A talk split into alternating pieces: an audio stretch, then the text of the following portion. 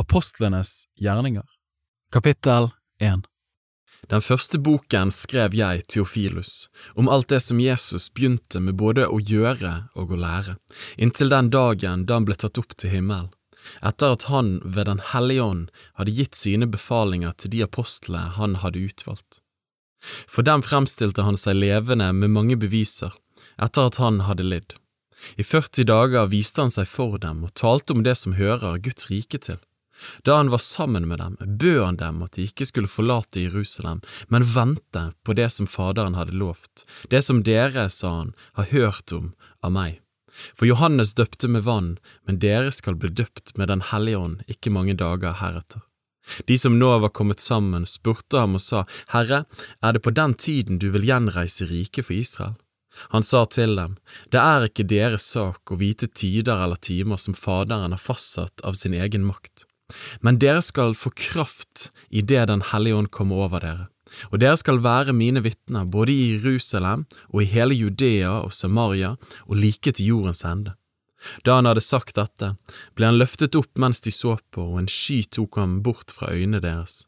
Mens de sto der og stirret opp mot himmelen idet han for bort, se, da sto to menn i hvite klær hos dem, og de sa, Galileiske menn, hvorfor står dere og ser opp mot himmelen? Denne Jesus som er tatt opp fra dere til himmelen, skal komme igjen på samme måten som dere så ham fare opp til himmelen. De vendte da tilbake til Jerusalem fra det berget som blir kalt Oljeberget, og ligger nær ved Jerusalem, en sabbatsreise derfra. Og da de kom inn i byen, gikk de opp til den øvre sal, hvor de pleide å holde til. Det var Peter og Johannes, Jakob og Andreas, Philip og Thomas, Bartlomeus og Matteus, Jakob, sønn av Alfeus, Simon Seloten og Judas, sønn av Jakob. Alle disse holdt sammen og var utholdende i bønnen, sammen med noen kvinner og Maria, Jesu mor og hans brødre. I de dagene sto Peter fram blant brødrene. Det var samlet en flokk på omkring 120, og han sa, Brødre, det skriftordet måtte bli oppfylt som Den hellige ånd foruttalte ved Davids munn om Judas, han som ble veiviser for dem som grep Jesus. Han var jo regnet blant oss og fikk del i denne tjenesten. Han kjøpte en åker for den lønnen han fikk for sin ugjerning. Så styrtet han hodestups ned og revnet, og alle innvollene hans veltet ut. Dette ble kjent for alle som bor i Jerusalem, og de kaller åkeren på sitt eget språk Hakeldama, det betyr blodåkeren. For det står skrevet i Salmenes bok, la hans bosted bli øde, og la ingen bo der, og videre, la en annen overta hans tilsynsembete. Derfor bør en av de mennene som fulgte med oss hele tiden mens Herren Jesus gikk inn og ut blant oss, like fra han ble døpt av Johannes til den dagen han ble tatt opp fra oss, en av disse mennene bør sammen med oss være vitne om hans oppstandelse. Så stilte de fram to, Josef, som ble kalt Barsabbas med tilnavnet Justus, og Mattias. Og de ba og sa, Herre, du som kjenner alles hjerter, vis oss hvem av disse to du har utvalgt til å få del i denne tjeneste og apostelgjerning som Judas forlot for å gå til sitt eget sted. Så kastet de lodd mellom dem. Loddet falt på Mattias, og han ble regnet som apostel sammen med de elleve. Kapittel 2 og da pinsefestens dag var kommet, var de alle samlet på samme sted. Da kom det med ett en lyd fra himmelen som når et veldig stormvær farer fram, og fylte hele huset der de satt. Og det viste seg for dem tunger like som av ild, som delte seg og satte seg på hver enkelt av dem. Da ble de alle fylt med Den hellige ånd, og de begynte å tale i andre tunger, alt dette som åren ga dem å tale. Nå bodde det i Jerusalem gudfryktige jødiske menn fra alle folkeslag under himmel. Da denne lyden hørtes, samlet det seg en stor folkemengde, og de ble forvirret fordi de hørte dem tale enhver på sitt eget språk. De ble helt ute av seg av undring og sa, er ikke alle disse som taler galileere? Hvordan kan det da gå til at hver av oss hører vårt eget språk, det som vi er født i? Vi partere og medere og elamitter, vi som bor i Mesopotamia, Judea og Kapedokia, Pontus og Asia, Frygia og Pamfylia, Egypt og områdene i Libya mot Kyrene, og vi tilreisende fra Roma, både jøder og tilhengere av jødenes tro, kretere og arabere, vi hører dem tale om Guds store gjerninger på våre egne språk. Alle ble forferdet og var i villrede, og den ene sa til den andre, Hva kan vel dette være? Men andre sa spottende, de er fulle av søt vin. Da sto Peter fram sammen med de elleve. Han hevet røsten og talte til dem, jødiske menn, og alle dere som bor i Jerusalem, la dette være kjent for dere, og lån øre til mine ord. For disse er ikke drukne slik som dere mener, det er jo bare den tredje time på dagen. Men dette er det som er sagt ved profeten Joel.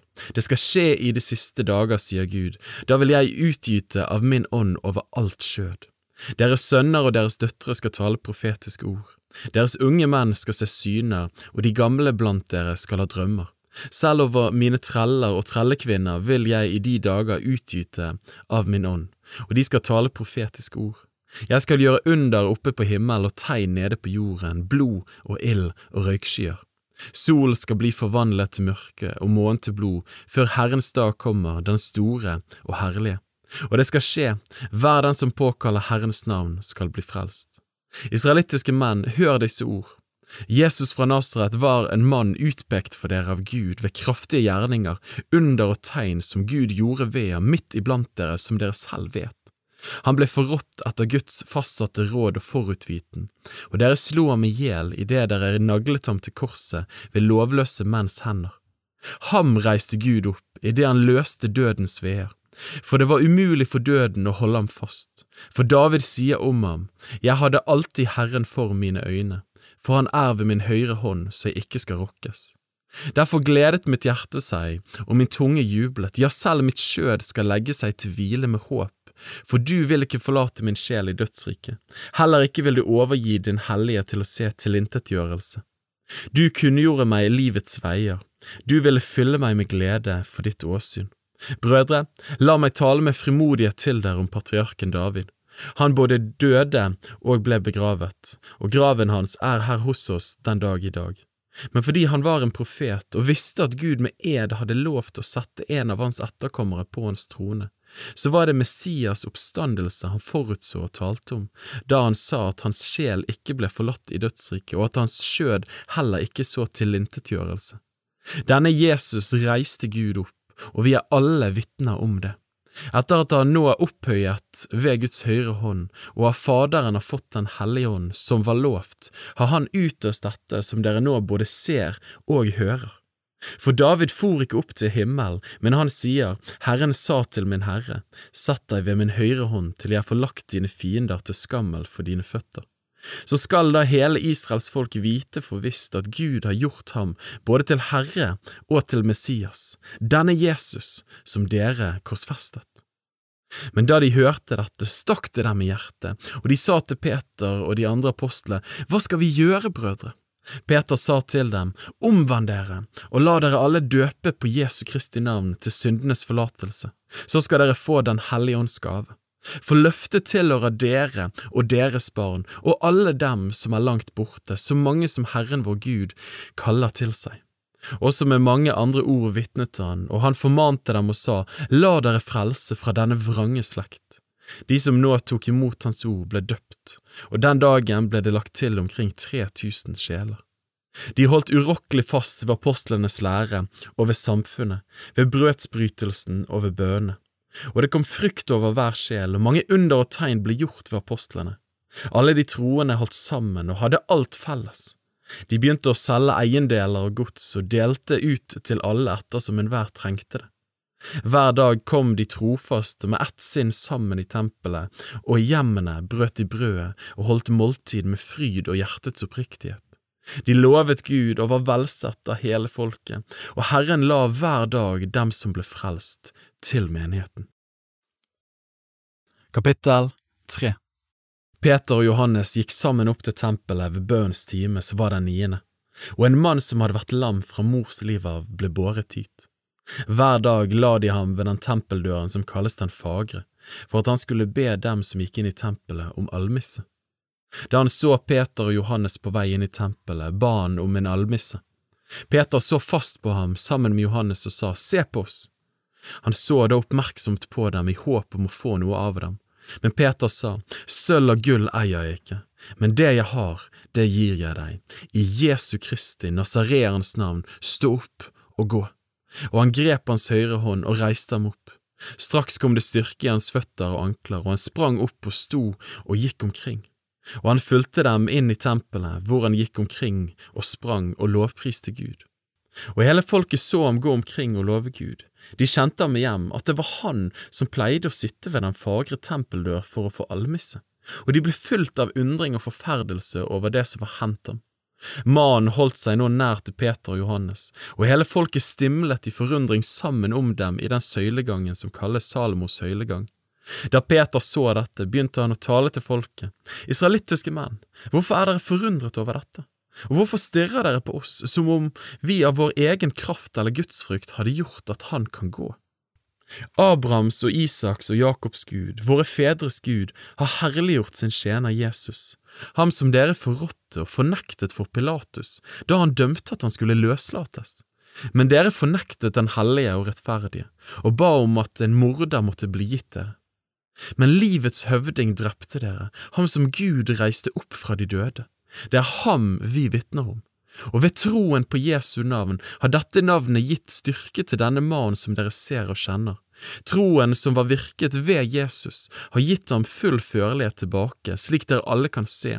Og nå, brødre, jeg vet at dere har handlet i uvitenhet, like som også deres rådsherrer. Men Gud oppfylte på denne måten det som han forut forkynte ved alle profetenes munn, at hans Messias skulle lide. Fatt da et annet sinn og omvend dere, så deres synder kan bli utslettet. Og det kan komme tider med fornyelse og trøst fra Herrens åsyn, og han kan sende den Messias som forut er utkåret for dere, Jesus. Ham som himmel skal huse inntil de tider da alt det blir gjenopprettet som Gud har talt om ved sine hellige profeters munn fra eldgamle dager av. Moses har jo sagt, Herren deres Gud skal reise opp for dere en profet like som meg av deres brødre. Ham skal dere høre på i alt han sier dere. Men det skal skje, hver sjel som ikke hører denne profeten, han skal utryddes av folket. Alle profetene fra Samuel av og senere, så mange som har talt, har også forsynt om disse dager. Dere er barn av profetene og av den pakten som Gud gjorde med våre fedre, da han sa til Abraham, og i din ett skal alle jordens slekter velsignes. Det var til dere Gud først sendte sin tjener, da han reiste ham opp for å velsigne dere når hver av dere omvender seg fra sine onde gjerninger. Kapittel 4 Mens de talte til folket, kom prestene og høvedsmannen for tempelvakten og sadukeerne over dem.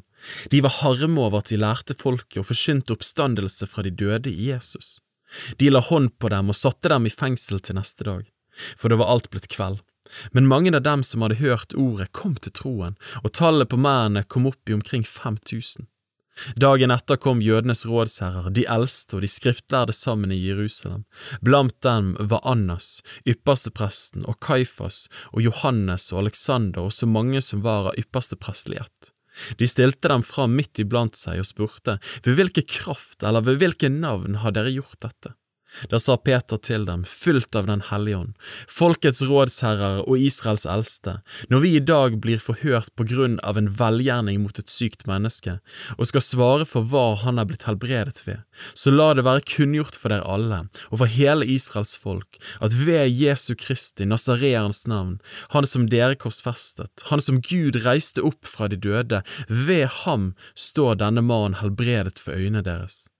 Han er den stein som ble forkastet av dere bygningsmenn, men som er blitt hjørnestein. Og det er ikke frelse i noen annen, for det finnes ikke noe annet navn under himmel gitt blant mennesker som vi kan bli frelst ved. Men da de så Peters og Johannes' frimodighet og skjønte at de var ulærde lekmenn, undret de seg, og de kjente dem igjen, at de hadde vært sammen med Jesus.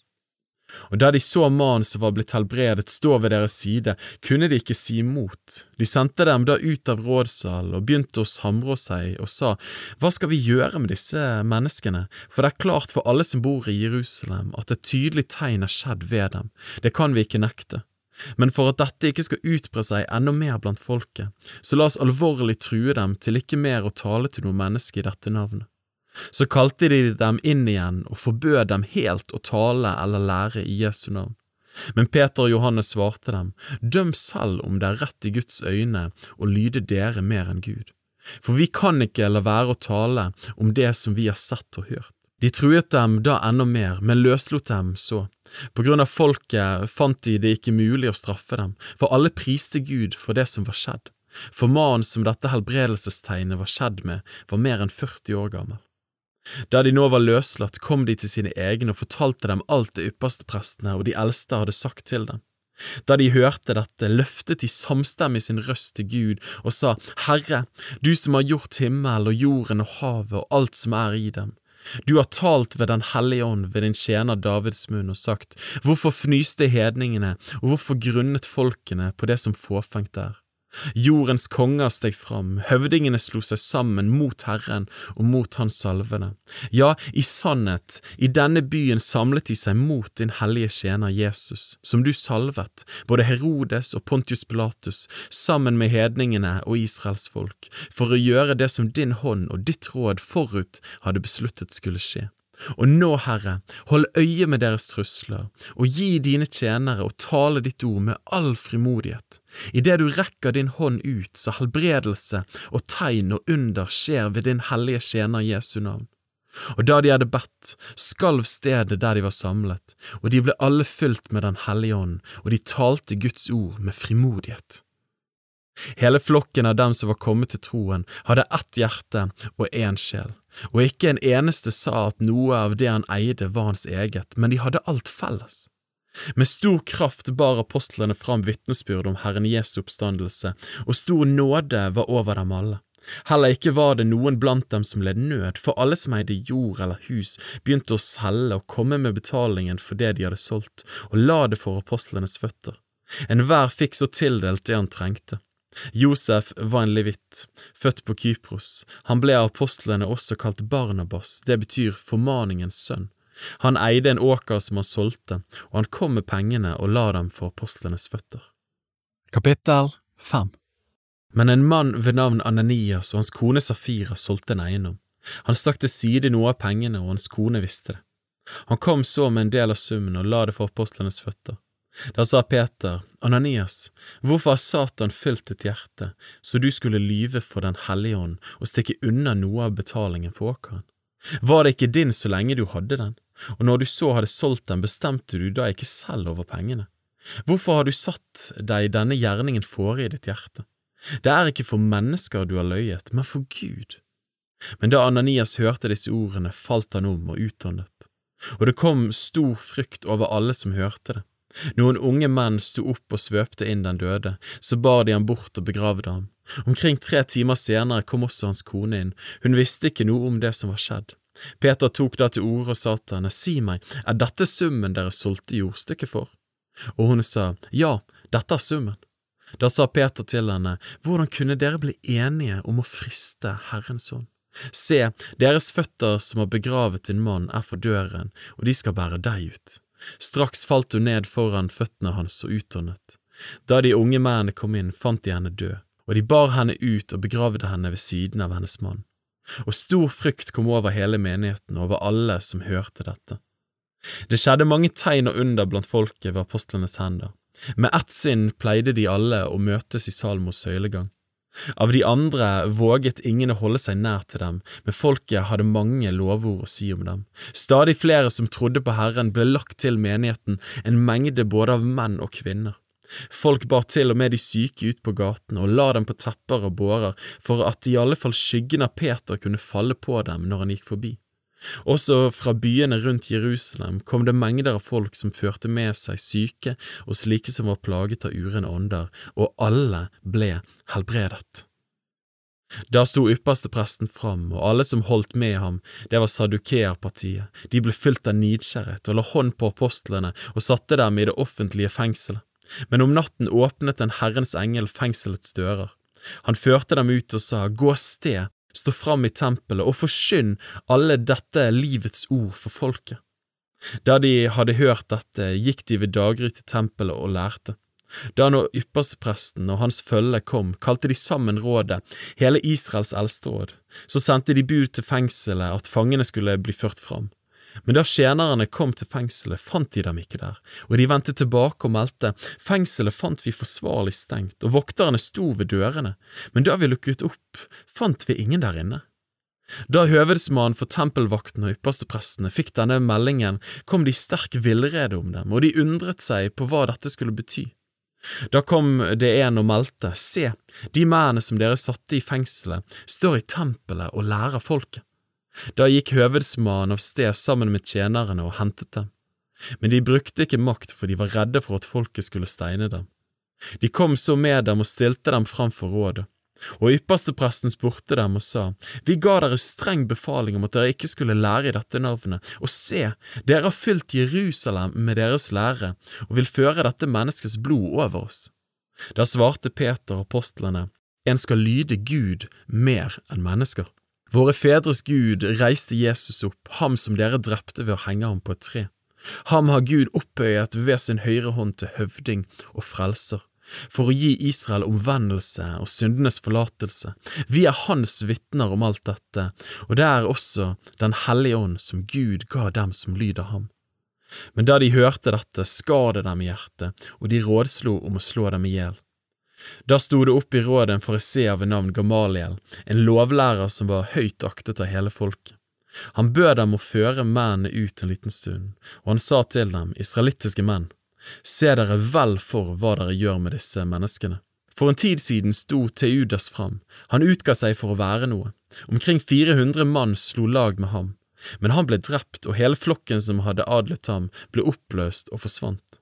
Etter ham, i skatteutskrivningens dager, sto Judas fra Galilea fram og forledet folket til å følge seg.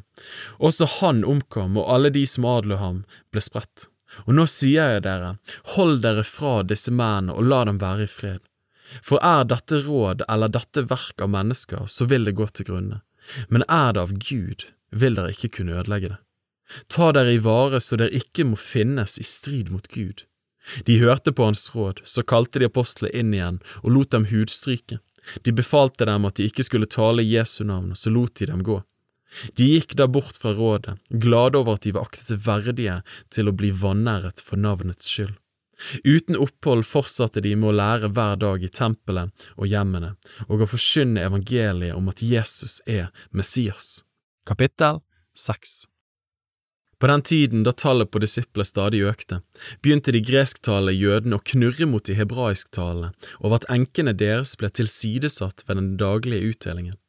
Da kalte de tolv hele disippelskaren sammen og sa, Det er ikke rett at vi forlater Guds ord for å tjene ved bordene. Brødre, velg derfor ut blant dere sju menn som har godt vitnesbyrd og er fylt av ånd og visdom. Dem vil vi sette til denne oppgaven. Men vi vil holde ved i bønnen og ordets tjeneste. Det de sa, fikk tilslutning hos hele flokken, og de valgte ut Stefanus, en mann full av tro og Den hellige ånd, og Philip og Prokorus og Nikanor og Timon og Parmenas og Nikolaus, en mann fra Antiokia, som var gått over til jødenes tro. Disse mennene stilte de fram for apostlene, som ba og la hendene på dem. Og Guds ord hadde fremgang, tallet på disipler i Jerusalem økte sterkt, og en stor flokk av prestene ble lydige mot troen. Stefanus var full av nåde og kraft, og han gjorde under og store tegn blant folket. Da sto det fram noen av den synagogen som kalles de frigittes, av kyrineernes og aleksandrinernes, og noen av dem som var fra Kelikia og Asia, og de ga seg i ordskifte med Stefanus. Men de kunne ikke stå seg mot den visdom og ånd som han talte med. De avtalte da i hemmelighet med noen menn at de skulle si, Vi har hørt dem tale spottende ord mot Moses og mot Gud. Slik hisset de opp både folket og de eldste og de skriftlærde. De gikk fram og grep ham og førte ham for rådet. Der stilte de fram falske vitner som sa, Denne mannen holder ikke opp med å tale spottende ord mot dette hellige sted og mot loven. Vi har hørt ham si at denne Jesus fra Nasaret skal bryte ned dette stedet og forandre de skikkene som Moses ga oss. Alle som satt i rådet stirret på ham, og de så at hans ansikt var som en engels ansikt. Kapittel 7 Da sa ypperstepresten, er dette sant? Og Stefanus svarte, brødre og fedre, hør på meg. Herlighetens Gud viste seg for vår far Abraham mens han var i Mesopotamia, før han bosatte seg i Karan. Og han sa til ham, dra ut fra ditt land og fra din slekt, og gå til det landet som jeg vil vise deg. Da dro han ut fra Kaldea-landet og slo seg ned i Karan, og etter at hans far var død, lot Gud ham flytte derfra til dette landet som dere nå bor i. Han ga ham ingen eiendom i det, ikke en fotsbredd. Men han lovte å gi ham landet til eiendom, og hans ett etter ham, ennå han ikke hadde barn. Og Gud talte slik, hans ett skal leve som utlendinger i et fremmed land. Folket der skal holde dem i trelldom og mishandle dem i 400 år. Men det folket som de skal trelle under, vil jeg dømme, sa Gud, og deretter skal de dra ut derfra og tjene meg på dette stedet. Og han ga ham omskjærelsens pakt. Han fikk så sønnen Isak og omskar ham på den åttende dagen, og Isak fikk Jakob, og Jakob de tolv patriarkene. Og patriarkene ble misunnelige på Josef og solgte ham til Egypt, men Gud var med ham. Han fridde ham ut av alle hans trengsler og ga ham nåde og visdom for faraos, egypterkongens øyne, og han satte ham til høvding over Egypt og over hele sitt hus. Så kom det hunger over hele landet Egypt og Kanaan, det ble stor nød, og våre fedre fant ikke noe å mette seg med. Men da Jakob fikk høre at det var korn i Egypt, sendte han våre fedre dit, først én gang. Den andre gangen ga Josef seg til kjenne for sine brødre, og farao fikk kjennskap til Josefs slekt. Josef sendte da bud og kalte til seg sin far Jakob og hele sin slekt, 75 sjeler. Så dro Jakob ned til Egypt, og han døde, han og våre fedre. De ble ført til Sikhem og lagt i den graven som Abraham kjøpte av Hamors barn i Sikhem for en kjøpesum av sølv. Etter som nå tiden nærmet seg da det løftet Gud hadde gitt til Abraham skulle bli oppfylt, vokste folket og ble tallrikt i Egypt, inntil det sto fram en annen konge over Egypt, en som ikke kjente Josef. Han for fram med list mot vårt folk. Han mishandlet våre fedre og tvang dem til å sette ut sine nyfødte barn, slik at de ikke skulle leve opp. På den tiden ble Moses født, han var fager for Gud. I tre måneder ble han fostret i sin fars hus. Men da de hadde satt ham ut, tok faraos datter ham opp og fostret ham som sin egen sønn. Moses fikk opplæring i all egypternes visdom, og han var mektig i ord og gjerninger. Da han hadde fylt 40 år, fikk han i sinnet å se til sine brødre, Israels barn. Da han så en som led urett, hjalp han ham. Han hevnet den som ble mishandlet, og slo egypteren i hjel. Han tenkte da at hans brødre skulle forstå at Gud ville gi dem frelse ved hans hånd, men de forsto det ikke. Dagen etter kom han over to som sloss, og han prøvde å få dem til å holde fred og sa, Men dere er jo brødre, hvorfor gjør dere hverandre urett? Men han som gjorde urett mot sin neste, støtte Moses fra seg og sa, Hvem har satt deg til høvding og dommer over oss? Du vil kanskje slå meg i hjel på samme måten som du slo egypteren i hjel i går. Dette ordet fikk Moses til å flykte. Han ble en utlending i Midians land og fikk der to sønner. Og da 40 år var til ende, viste Herrens engel seg for ham i ørkenen ved Sinai-fjellet, i flammen av en brennende tornebusk. Da Moses så det, undret han seg over synet. Men da han gikk borttil for å se på det, kom en røst fra himmelen. Jeg er dine fedres Gud, Abrahams og Isaks og Jakobs Gud. Men Moses skalv av redsel og våget ikke å se opp. Og Herren sa til ham, løs skoene av dine føtter, for det stedet du står på, er hellig grunn.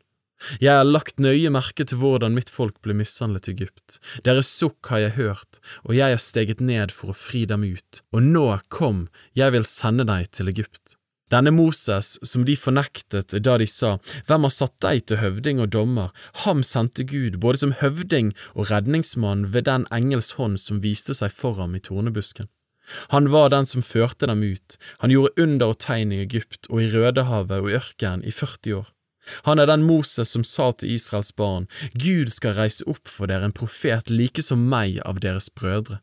Han er den som i menigheten i ørkenen var med engel som talte til ham på Sinai berg, og med våre fedre. Han mottok levende ord for å gi dem til oss.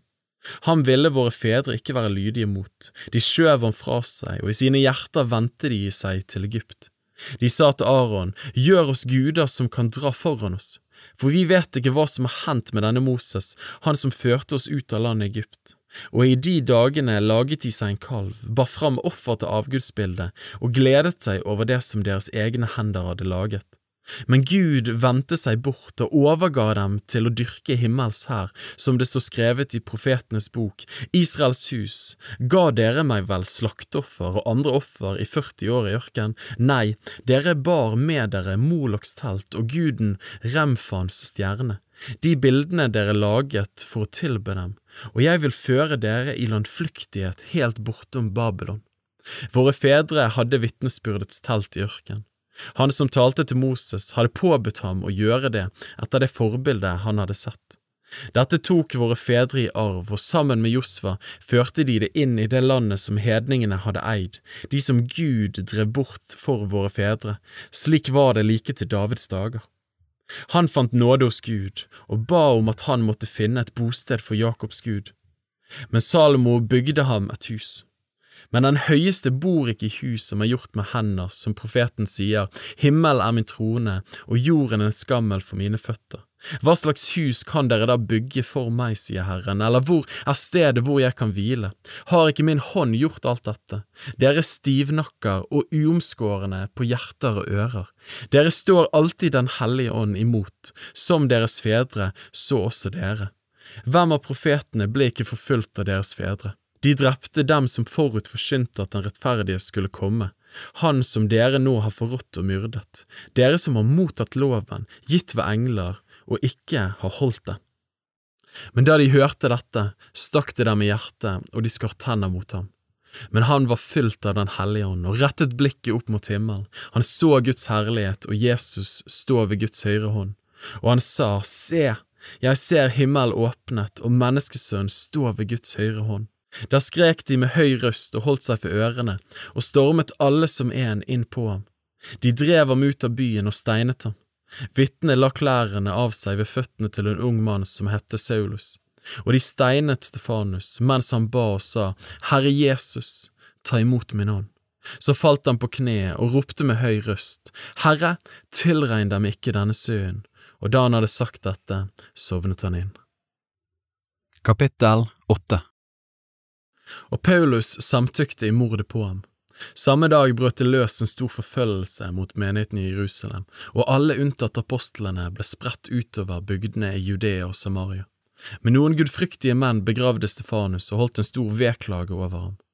Men Saulus herjet menigheten, han trengte inn i hus etter hus og slepte ut både menn og kvinner og fikk dem kastet i fengsel. De som nå var blitt spredt, dro omkring og forsynte evangeliets ord. Philip kom da ned til en by i Samaria og forsynte Kristus for dem. De ga alle akt på det som ble sagt av Philip, da de hørte og så de tegnene han gjorde. For det var mange som hadde urene ånder, og de for ut av dem med høye skrik, og mange vannføre og lamme ble helbredet, og det ble stor glede der i byen. Men en mann som het Simon, hadde fra før av vært i byen og drevet trolldom, og han hadde satt folket i Samaria i stor undring. Han utga seg selv for å være noe stort, og alle, både små og store, lyttet til ham, og de sa Han er Guds kraft som kalles den store. De ga akt på ham fordi han i lang tid hadde satt dem i undring ved trolldomskunstene sine. Men da de nå trodde Philip, som forsynte dem evangeliet om Guds rike og Jesu Kristi navn, så lot de seg døpe både menn og kvinner. Og Simon tok ved troen, han også. Og da han var blitt døpt, holdt han seg stadig til Philip. Han var ute av seg av undring da han så de tegn og de store undergjerningene som ble gjort. Men da apostlene som var i Jerusalem, hørte at Samaria hadde tatt imot Guds ord, sendte de Peter og Johannes til dem. De kom dit ned og ba for dem, at de måtte få Den hellige ånd, for ånden var ennå ikke falt på noen av dem, de var bare døpt til Herren Jesu navn. Nå la de hendene på dem, og de fikk Den hellige ånd. Men da Simon så at åren ble gitt ved apostlenes håndspåleggelse, kom han til dem med penger og sa, Gi også meg denne makt, at den jeg legger hendene mine på, må få Den hellige ånd. Men Peter sa til ham, måtte ditt sølv følge med deg til fortapelsen fordi du tenkte å kjøpe Guds gave for penger. Du har ingen lodd eller del i dette ordet, for ditt hjerte er ikke rett for Gud.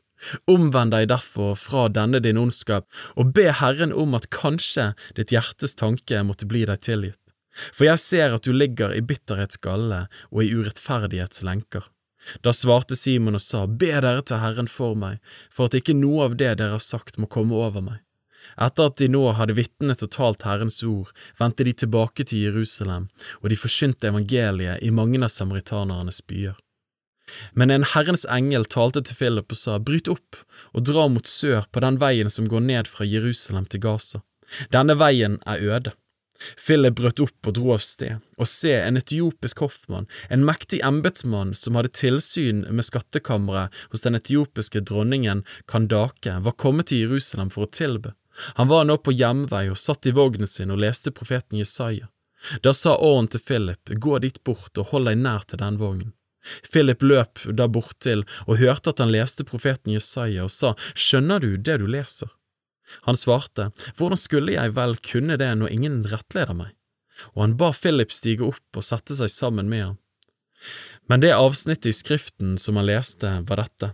Som et får ble han ført bort for å slaktes, og lik et lam som er stumt for den som klipper det, slik åpner han ikke sin munn. I hans fornedrelse ble dommen over ham tatt bort. Hvem kan fortelle meg om hans sett, for hans liv blir tatt bort fra jorden. Hoffmann sa da til Philip, Jeg ber deg si meg, hvem er det profeten sier dette om? Er det om seg selv eller om en annen?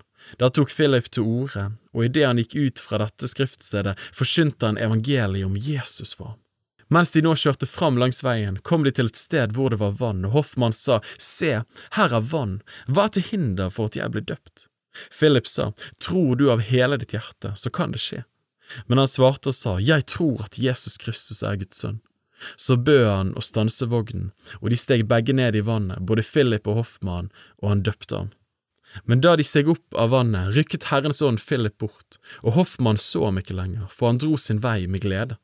Men Philip ble funnet i Ashtod. Han dro gjennom alle byene og forsynte evangeliet, helt til han kom til Cesarea. Kapittel 9 Saulus fnyste ennå trusler og mord mot Herrens disipler. Han gikk til ypperste presten og ba ham om å få med brev til Damaskus, til synagogene der, for at han, om han fant noen som hørte veien til, enten det var menn eller kvinner, kunne føre dem i lenker til Jerusalem. Da han nå var underveis og nærmet seg Damaskus, strålte plutselig et lys fra himmelen om ham. Han falt til jorden, og han hørte en røst som sa til ham, Saul, Saul, hvorfor forfølger du meg? Han sa, Hvem er du, Herre? Og han svarte, Jeg er Jesus, han som du forfølger. Men reis deg og gå inn i byen, så skal det bli sagt deg hva du må gjøre. Men mennene som reiste sammen med ham, ble stående målløse, for de hørte riktignok lyden, men så ingen. Saulus reiste seg da opp fra jorden, men da han åpnet øynene, så han ikke noe. De leide ham da ved hånden og førte ham inn i Damaskus. I tre dager kunne han ikke se, og han verken åt eller drakk. Men det var i Damaskus en disippel ved navn Ananias. Til ham sa Herren i et syn, Ananias, han svarte, Her er jeg, Herre. Og Herren sa til ham, Stå opp og gå bort i den gaten som kalles Den rette, og spør i Judas hus etter en ved navn Saulus fra Tarsus, for se, han ber. Og i et syn har han sett en mann som heter Ananias komme inn og legge hendene på ham for at han skulle få syn igjen. Men Ananias svarte, Herre, jeg har hørt mange fortelle om denne mannen, hvor meget ondt han har gjort mot dine hellige i Jerusalem, og her har han fullmakt fra yppersteprestene til å legge i lenker alle dem som påkaller ditt navn. Men Herren sa til ham, Gå sted, for et utvalgt redskap er han for meg, til å bære mitt navn fram både for hedningefolk og konger og for Israels barn, for jeg skal vise ham hvor mye han må lide for mitt navns skyld. Ananias gikk da av sted og kom inn i huset. Han la hendene på ham og sa, Saul, bror, Herren har sendt meg, Jesus, han som viste seg for deg på veien der du kom, for at du skal få syn igjen og bli fylt av Den hellige ånd. Og straks falt det like som skjell fra øynene hans, og han kunne se. Han sto da opp og ble døpt. Og da han hadde fått mat, kom han til krefter igjen. Han ble så hos disiplene i Damaskus noen dager, og straks forsynte han Jesus i synagogene at han er Guds sønn. Alle som hørte det, ble ute av seg selv av undring og sa, er ikke dette han som i Jerusalem ville utrydde alle som påkaller dette navnet? Og var han ikke kommet hit for å legge dem i lenker og føre dem til yppersteprestene? Men Saulus fikk stadig større kraft, og han brakte jødene som bodde i Damaskus til taushet ved å bevise at Jesus er Messias. Da mange dager var gått, la jødene planer om å drepe ham, men Saulus fikk kjennskap til planen deres. De holdt også vakt ved byportene dag og natt for å få slått ham i hjel. Men disiplene tok ham om natten og fikk ham ut gjennom muren ved å fire ham ned i en kurv. Da han kom til Jerusalem, prøvde han å slutte seg til disiplene, men alle var redd ham, for de trodde ikke at han var en disippel. Men Barnabas tok seg av ham og førte ham til apostlene. Han fortalte dem hvordan Saulus på veien hadde sett Herren, og at Herren hadde talt til ham, og hvor frimodig han i Damaskus hadde talt i Jesu navn. Etter dette gikk han inn og ut hos dem i Jerusalem, og han forkynte frimodig i Herrens navn. Han talte med de gresktalende jødene og lå i ordskifte med dem, men de prøvde å drepe ham. Da brødrene fikk vite dette, førte de ham ned til Cesarea og sendte ham derfra til Tarsus. Menigheten hadde nå fred over hele Judea og Galilea og Samaria. Den ble oppbygget og vandret i Herrens frykt, og vokste ved Den hellige ånds hjelp. Mens når Peter dro omkring fra sted til sted, kom han også ned til de hellige som bodde i Lodd. Der fant han en mann som het Eneas, som hadde ligget åtte år til sengs fordi han var lam.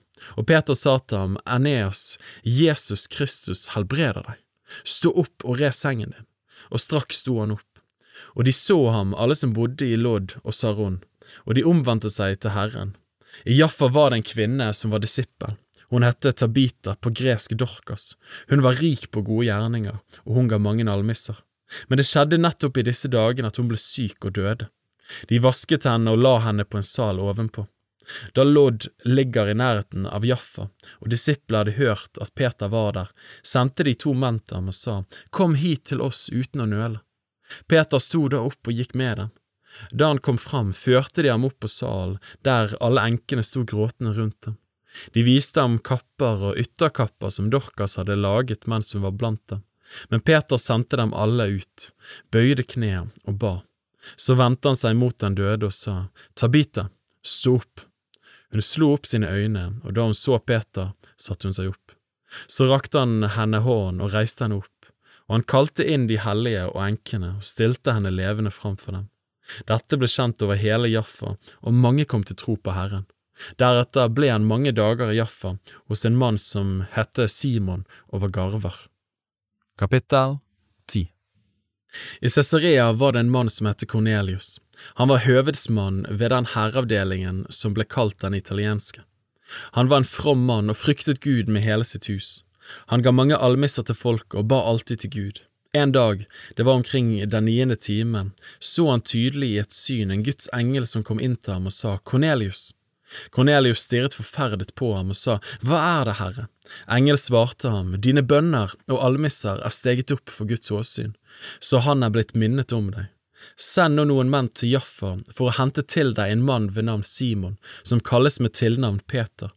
Han er gjest hos garveren Simon, som har et hus ved havet.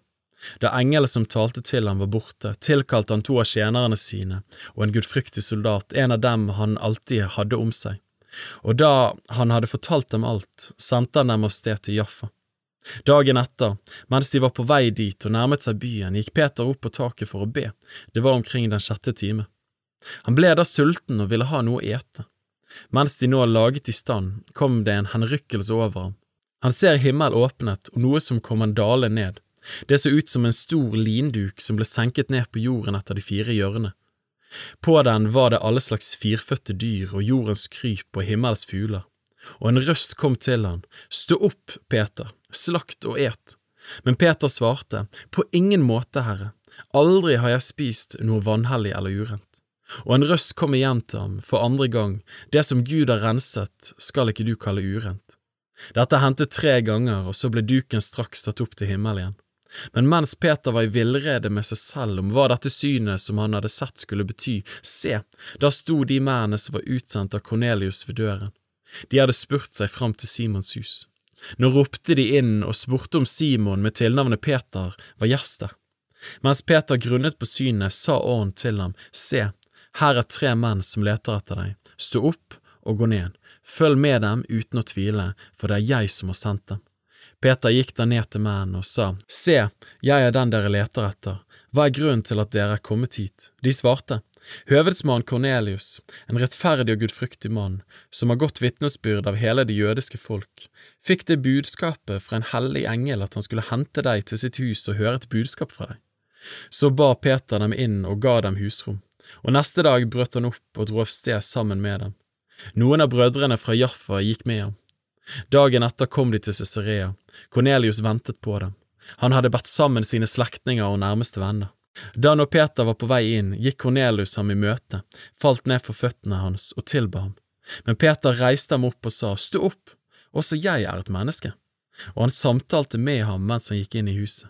Der fant han mange samlet. Han sa til dem, Dere vet hvor utillatelig det er for en jøde å samkvem med noen av et annet folk. eller å gå inn til ham, men Gud har vist meg at jeg ikke skal kalle noe menneske vanhellig eller urent. Derfor kom jeg også uten innvendinger da jeg ble budsendt. Men nå spør jeg, hvorfor har dere sendt bud på meg? Kornelius sa da, for fire dager siden, det var da som nå ved den niende time, var jeg i bønn hjemme i huset mitt, og se, en mann i lysende klær sto foran meg, og han sa, Kornelius, din bønn er hørt, og dine almisser er husket for Guds ansikt. Send derfor bud til Jaffa og kall til deg Simon med tilnavnet Peter, han er gjest hos garveren Simon som bor nede ved havet. Når han kommer hit, skal han tale til deg. Derfor sendte jeg straks bud til deg, og du gjorde vel at du kom. Nå er vi da alle til stede for Guds åsyn for å høre alt som er pålagt deg av Herren. Peter begynte da å tale, og han sa, Jeg skjønner i sannhet at Gud ikke gjør forskjell på folk, men blant hvert folk tar han imot dem som frykter ham og gjør rettferdighet. Det ordet som han sendte til Israels barn da han i evangeliet forkynte fred ved Jesus Kristus, han er alles herre, det kjenner dere, dette ordet som er gått ut over hele Judea. Det hadde sin begynnelse fra Galilea etter den dåpen som Johannes forsynte, og taler om at Gud salvet Jesus fra Nasaret med Den hellige ånd og kraft, han som gikk omkring og gjorde vel og helbredet alle dem som var underkuet av djevel fordi Gud var med ham. Vi er vitner om alt det han gjorde, både i jødenes land og i Jerusalem, han som de drepte ved å henge ham på et tre.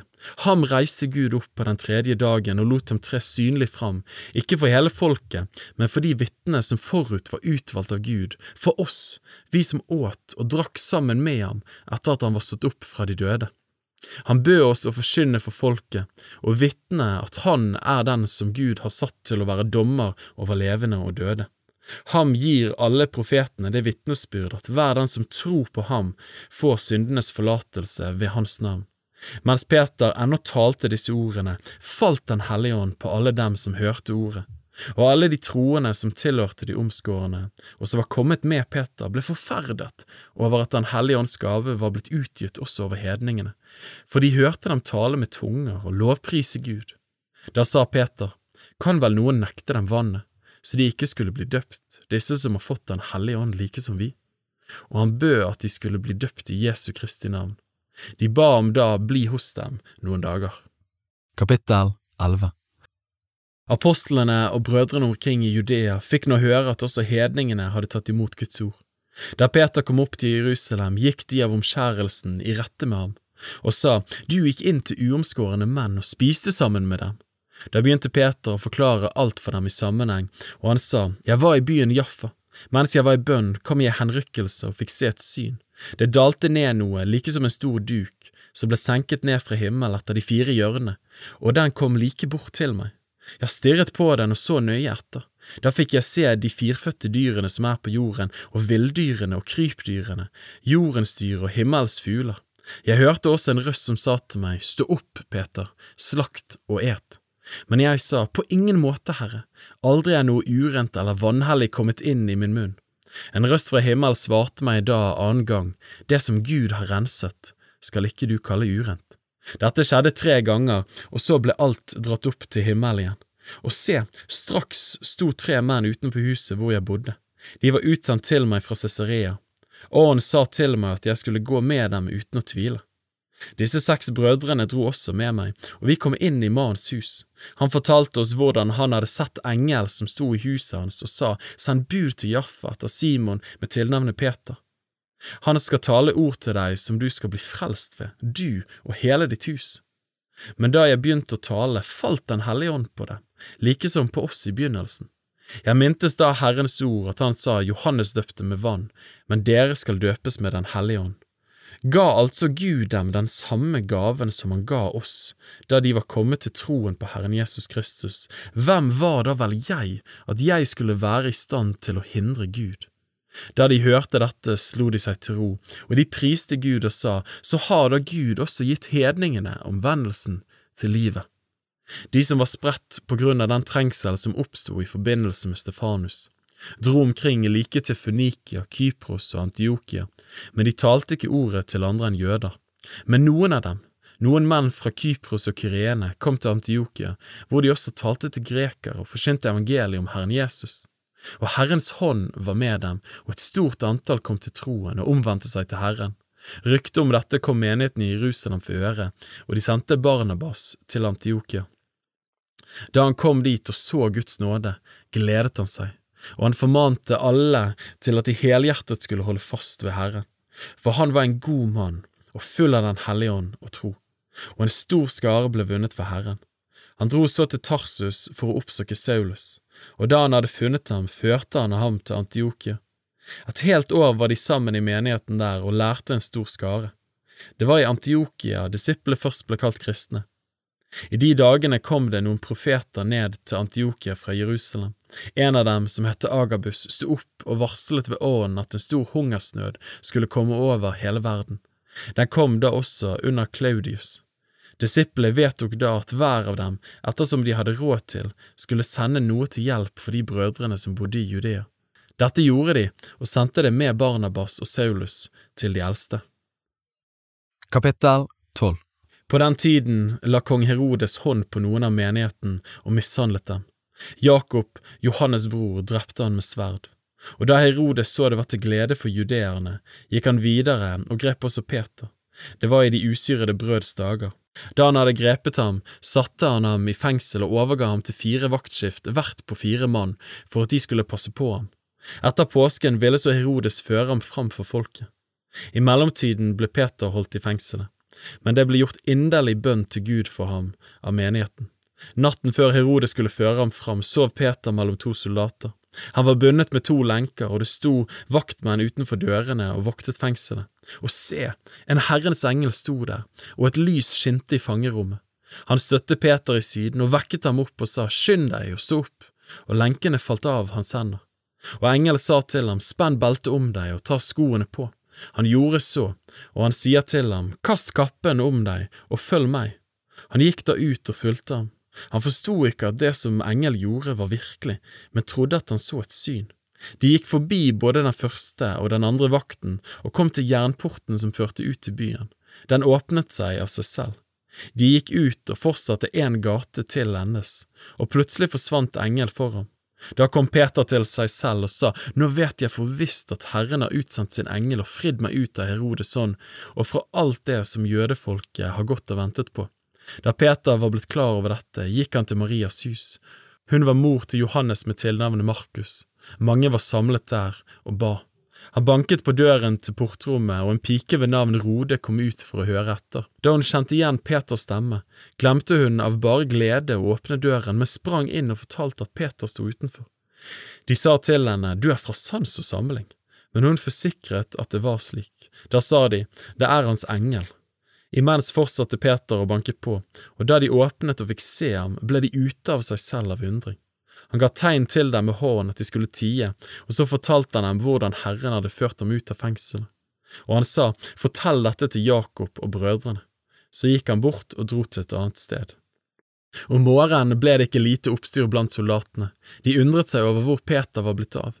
Herodes lot lete etter ham, men fant ham ikke. Han tok da vaktmenn i forår og bød at de skulle føres bort. Selv dro han fra Judea og ned til Cesarea og ble værende der.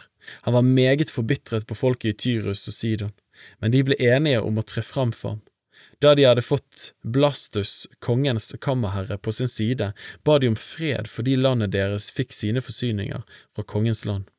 På en fastsatt dag kledde så Herodes seg i kongelig skrud. Han satte seg på sin trone og holdt en tale til dem.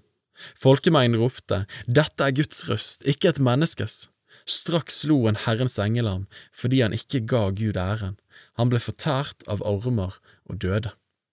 Men Guds ord hadde fremgang og bredte seg stadig videre ut, og Barnabas og Saulus vendte tilbake fra Jerusalem etter at de hadde fullført sin tjeneste. De tok med seg Johannes med tilnavnet Markus. Kapittel 13 I Antiokia, i menigheten der, var det profeter og lærere.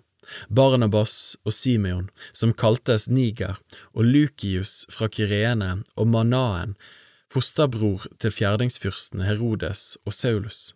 Mens de holdt gudstjeneste og fastet, sa Den hellige ånd, ta ut for meg Barnabas og Saulus til den gjerningen som jeg har kalt dem til.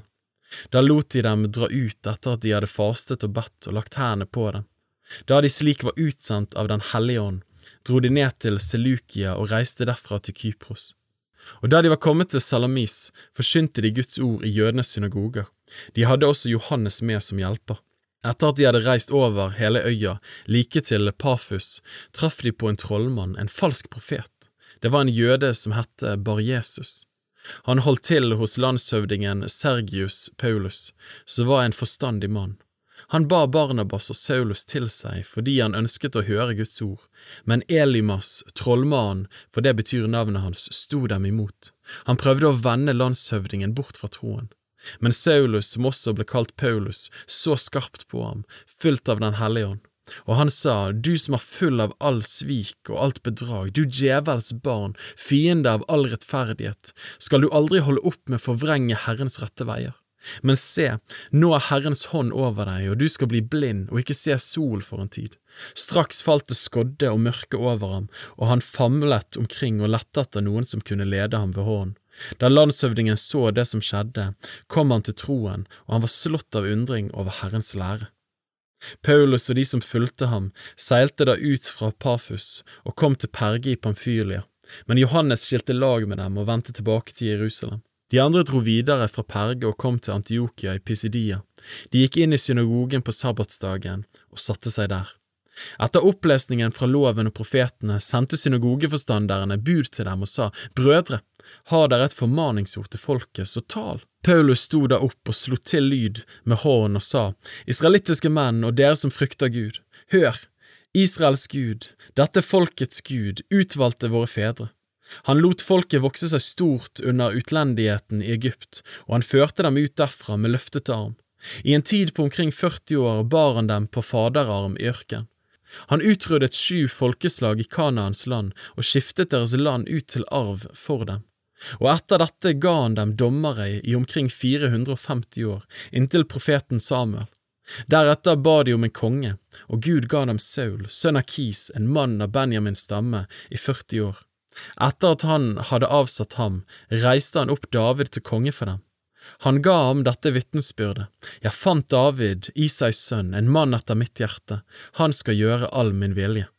Etter sitt løfte førte Gud av hans ett fram en frelser for Israel, Jesus. Etter at Johannes, før han sto fram, hadde forkynt omvendelsesdåp for hele Israels folk. Men da Johannes var i ferd med å fullføre sitt løp, sa han, Den som dere holder meg for å være, er jeg ikke. Men se, han kommer etter meg, og jeg er ikke engang verdig til å løse skoene av føttene hans. Brødre, barn av Abraham sett, og de blant dere som frykter Gud. Det var til oss ordet om denne frelsen ble sendt, for de som bor i Jerusalem og deres rådsherrer kjente ham ikke. Og da de dømte ham, oppfylte de profetenes ord, som ble opplest hver eneste sabbat. Og enda de ikke fant noen dødsskyld hos ham, ba de Pilatus at han måtte bli slått i hjel. Da de hadde fullbyrdet alt som er skrevet om ham, tok de ham ned av treet og la ham i en grav. Men Gud reiste ham opp fra de døde. I flere dager viste han seg for dem som var dratt opp med ham fra Galilea til Jerusalem, de som nå er hans vitner for folket. Og vi forkynner dere evangeliet om det løftet som ble gitt til fedrene. Dette har Gud oppfylt for oss, deres barn, da han reiste Jesus opp. Slik står det jo skrevet i den andre salme, Du er min sønn, jeg har født deg i dag men at han har reist ham opp fra de døde, så han ikke mer skal vende tilbake til tilintetgjørelse. Det har han sagt slik, Jeg vil gi dere de hellige løfter til David, de trofaste. Derfor sier han også på et annet sted, Du skal ikke overgi din hellighet til å se tilintetgjørelse. For David sov inn etter at han i sin levetid hadde tjent Guds råd, han som ble samlet til sine fedre og så tilintetgjørelse. Men han som Gud reiste opp, han så ikke tilintetgjørelse. Derfor skal dere vite, brødre, at ved ham forkynnes syndenes forlatelse for dere. Og fra alt det som dere ikke kunne rettferdiggjøres fra ved Moselov, rettferdiggjøres i ham enhver som tror. Se derfor til at ikke det kommer over dere som er sagt hos profetene, se, dere foraktere, undre dere og bli tilintet for en gjerning gjør jeg i deres dager, en gjerning som dere ikke vil tro om noen forteller dere. Da de gikk ut, ba folk dem om at disse ordene måtte bli talt til dem også neste sabbat. Da møtet i synagogen var oppløst, var det mange av jødene og av de gudsdyrkere som hadde tatt ved jødenes tro, som fulgte etter Paulus og Barnabas. Disse talte da igjen til dem og formante dem innstendig til å holde fast ved Guds nåde. På den neste sabbaten samlet da nesten hele byen seg for å høre Herrens ord. Men da jødene så folkemengden, ble de fylt av nidkjærhet og motsa det som ble sagt av Paulus, ja, de sa imot og spottet. Men både Paulus og Barnabas talte rett ut og sa, det var nødvendig at Guds ord ble talt først til dere, men siden dere avviser det og ikke akter dere verdige til det evige liv, så vender vi oss nå til hedningene. For dette er Herrens bud til oss, jeg har satt deg til et lys for hedningene, for at du skal være til frelse like til jordens ender. Da hedningene hørte dette, gledet de seg og priste Herrens ord, og de kom til tro, alle de som var bestemt til evig liv, og Herrens ord utbredte seg over hele landet. Men jødene fikk hisset opp de fornemme kvinnene som holdt seg til jødenes tro, og de fremste menn i byen, og de fikk i stand en forfølgelse mot Paulus og Barnabas, og drev dem bort fra sine områder. De ristet av støv av føttene sine mot dem og dro til Ikonium, men disiplene ble fylt av glede og Den hellige ånd. Kapittel 14 I Ikonium gikk de sammen inn i jødenes synagoge, og de talte slik at en stor mengde, både av jøder og av grekere, kom til troen. Men de jødene som ikke ville tro, egget opp hedningenes sinne til fiendskap mot brødrene. Likevel ble de der en ganske lang tid. De talte frimodig i Herren, som ga sitt eget nådesord vitnesbyrd idet han lot tegn og under skje ved deres hender. Men folket i byen delte seg, noen holdt med jødene, andre holdt med apostlene. Det ble et oppløp av både hedninger og jøder med deres ledere, som hadde planer om å mishandle og steine dem. Da de forsto dette, flyktet de til Lykaonia, til byene Lystra og Derbe og områdene omkring. Der forsynte de evangeliet en tid. I Lystra satt en mann som var lam i føttene, han var vannfør fra fødsel av og hadde aldri kunnet gå. Denne mannen hørte Paulus tale. Paulus så nøye på ham, og da han så at han hadde tro til å bli helbredet, ropte han, Reis deg og stå på dine føtter! Da sprang han opp og gikk omkring. Men da folket så det som Paulus hadde gjort, begynte de å rope på lykaonisk, Gudene er blitt mennesker lik og er kommet ned til oss. De kalte Barnabas for Sefs og Paulus for Hermes fordi det var han som førte ordet. Og presten ved Sefs-tempelet som lå utenfor byen, kom med okser og kranser til porten og ville ofre sammen med folkemengden. Men da apostlene Barnabas og Paulus hørte det, flerret de klærne sine og sprang ut i folkemengden og ropte, Hva er det dere gjør, menn? Også vi er mennesker under de samme kår som dere, og vi forkynner dere evangeliet, at dere skal vende dere bort fra disse falske gudene til den levende Gud, Han som gjorde himmelen og jorden og havet og alt som er i dem. Og i tidligere slekters tid har han latt alle hedningfolkene vandre sine egne veier, men han lot seg ikke uten vitnesbyrd. Han gjorde godt, fra himmel sendte han dere regn og fruktbare årstider, og han mettet deres hjerter med føde og glede, og ved å si dette fikk de med nød og neppe hindret folket fra å ofre til dem. Men det kom jøder dit fra Antiokia og Ikonium. De overtalte folket, så de steinet Paulus og dro ham utenfor byen, da de trodde at han var død. Men da disiplene samlet seg om ham, reiste han seg og gikk inn i byen. Dagen etter dro han av sted til Derbe, sammen med Barnabas. De forsynte evangeliet der i byen og vant mange disipler. Så vendte de tilbake til Lystra, Ikonium og Antiokia. De styrket disiples sjeler, formante dem til å holde fast ved troen og sa vi må gå inn i Guds rike gjennom mange trengsler. Og de valgte eldste for dem i hver menighet, og etter bønn og faste overga de dem til Herren som de var kommet til tro på. Så reiste de gjennom Pisidia og kom til Pamfylia. De talte ordet i Perge og kom siden ned til Atalia. Derfra seilte de til Antiokia, der de var blitt overgitt til Guds nåde for å gjøre den gjerningen som de nå hadde fullført. Da de var kommet dit, samlet de menigheten og fortalte om alt det som Gud hadde gjort ved dem, og at han hadde åpnet troens dør for hedningene. Så ble de der en ikke så kort tid sammen med disiplene. Kapittel 15 Det kom da noen ned fra Judea og lærte brødrene slik.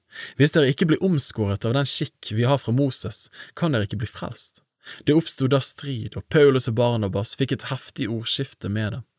Det ble da bestemt at Paulus og Barnabas sammen med noen andre av dem skulle dra opp til apostlene og de eldste i Jerusalem og legge dette spørsmålet frem for dem. Menigheten fulgte dem da et stykke på vei, så dro de gjennom Fønikia og Samaria. Her fortalte de om hedningenes omvendelse, og dette vakte stor glede hos alle brødrene. Da de kom til Jerusalem, ble de mottatt av menigheten og apostlene og de eldste, og de fortalte om alt det Gud hadde gjort ved dem.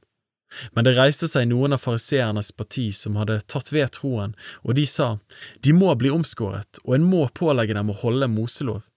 Apostlene og de eldste kom da sammen for å overveie denne saken. Da det nå oppsto et skarpt ordskifte, reiste Peter seg og sa til dem, Brødre, dere vet at Gud for lenge siden utvalgte meg blant dere, så hedningene av min munn skulle høre evangeliets ord og komme til tro. Og Gud, som kjenner hjertene, ga dem vitnesbyrd idet han ga dem Den hellige ånd like som oss. Han gjorde ingen forskjell på oss og dem, for ved troen renset han også deres hjerter. Hvorfor frister dere da Gud og legger et åk på disiplenes nakke som verken våre fedre eller vi var i stand til å bære? Men vi tror at vi blir frelst ved Herren Jesu nåde, på samme måte som de.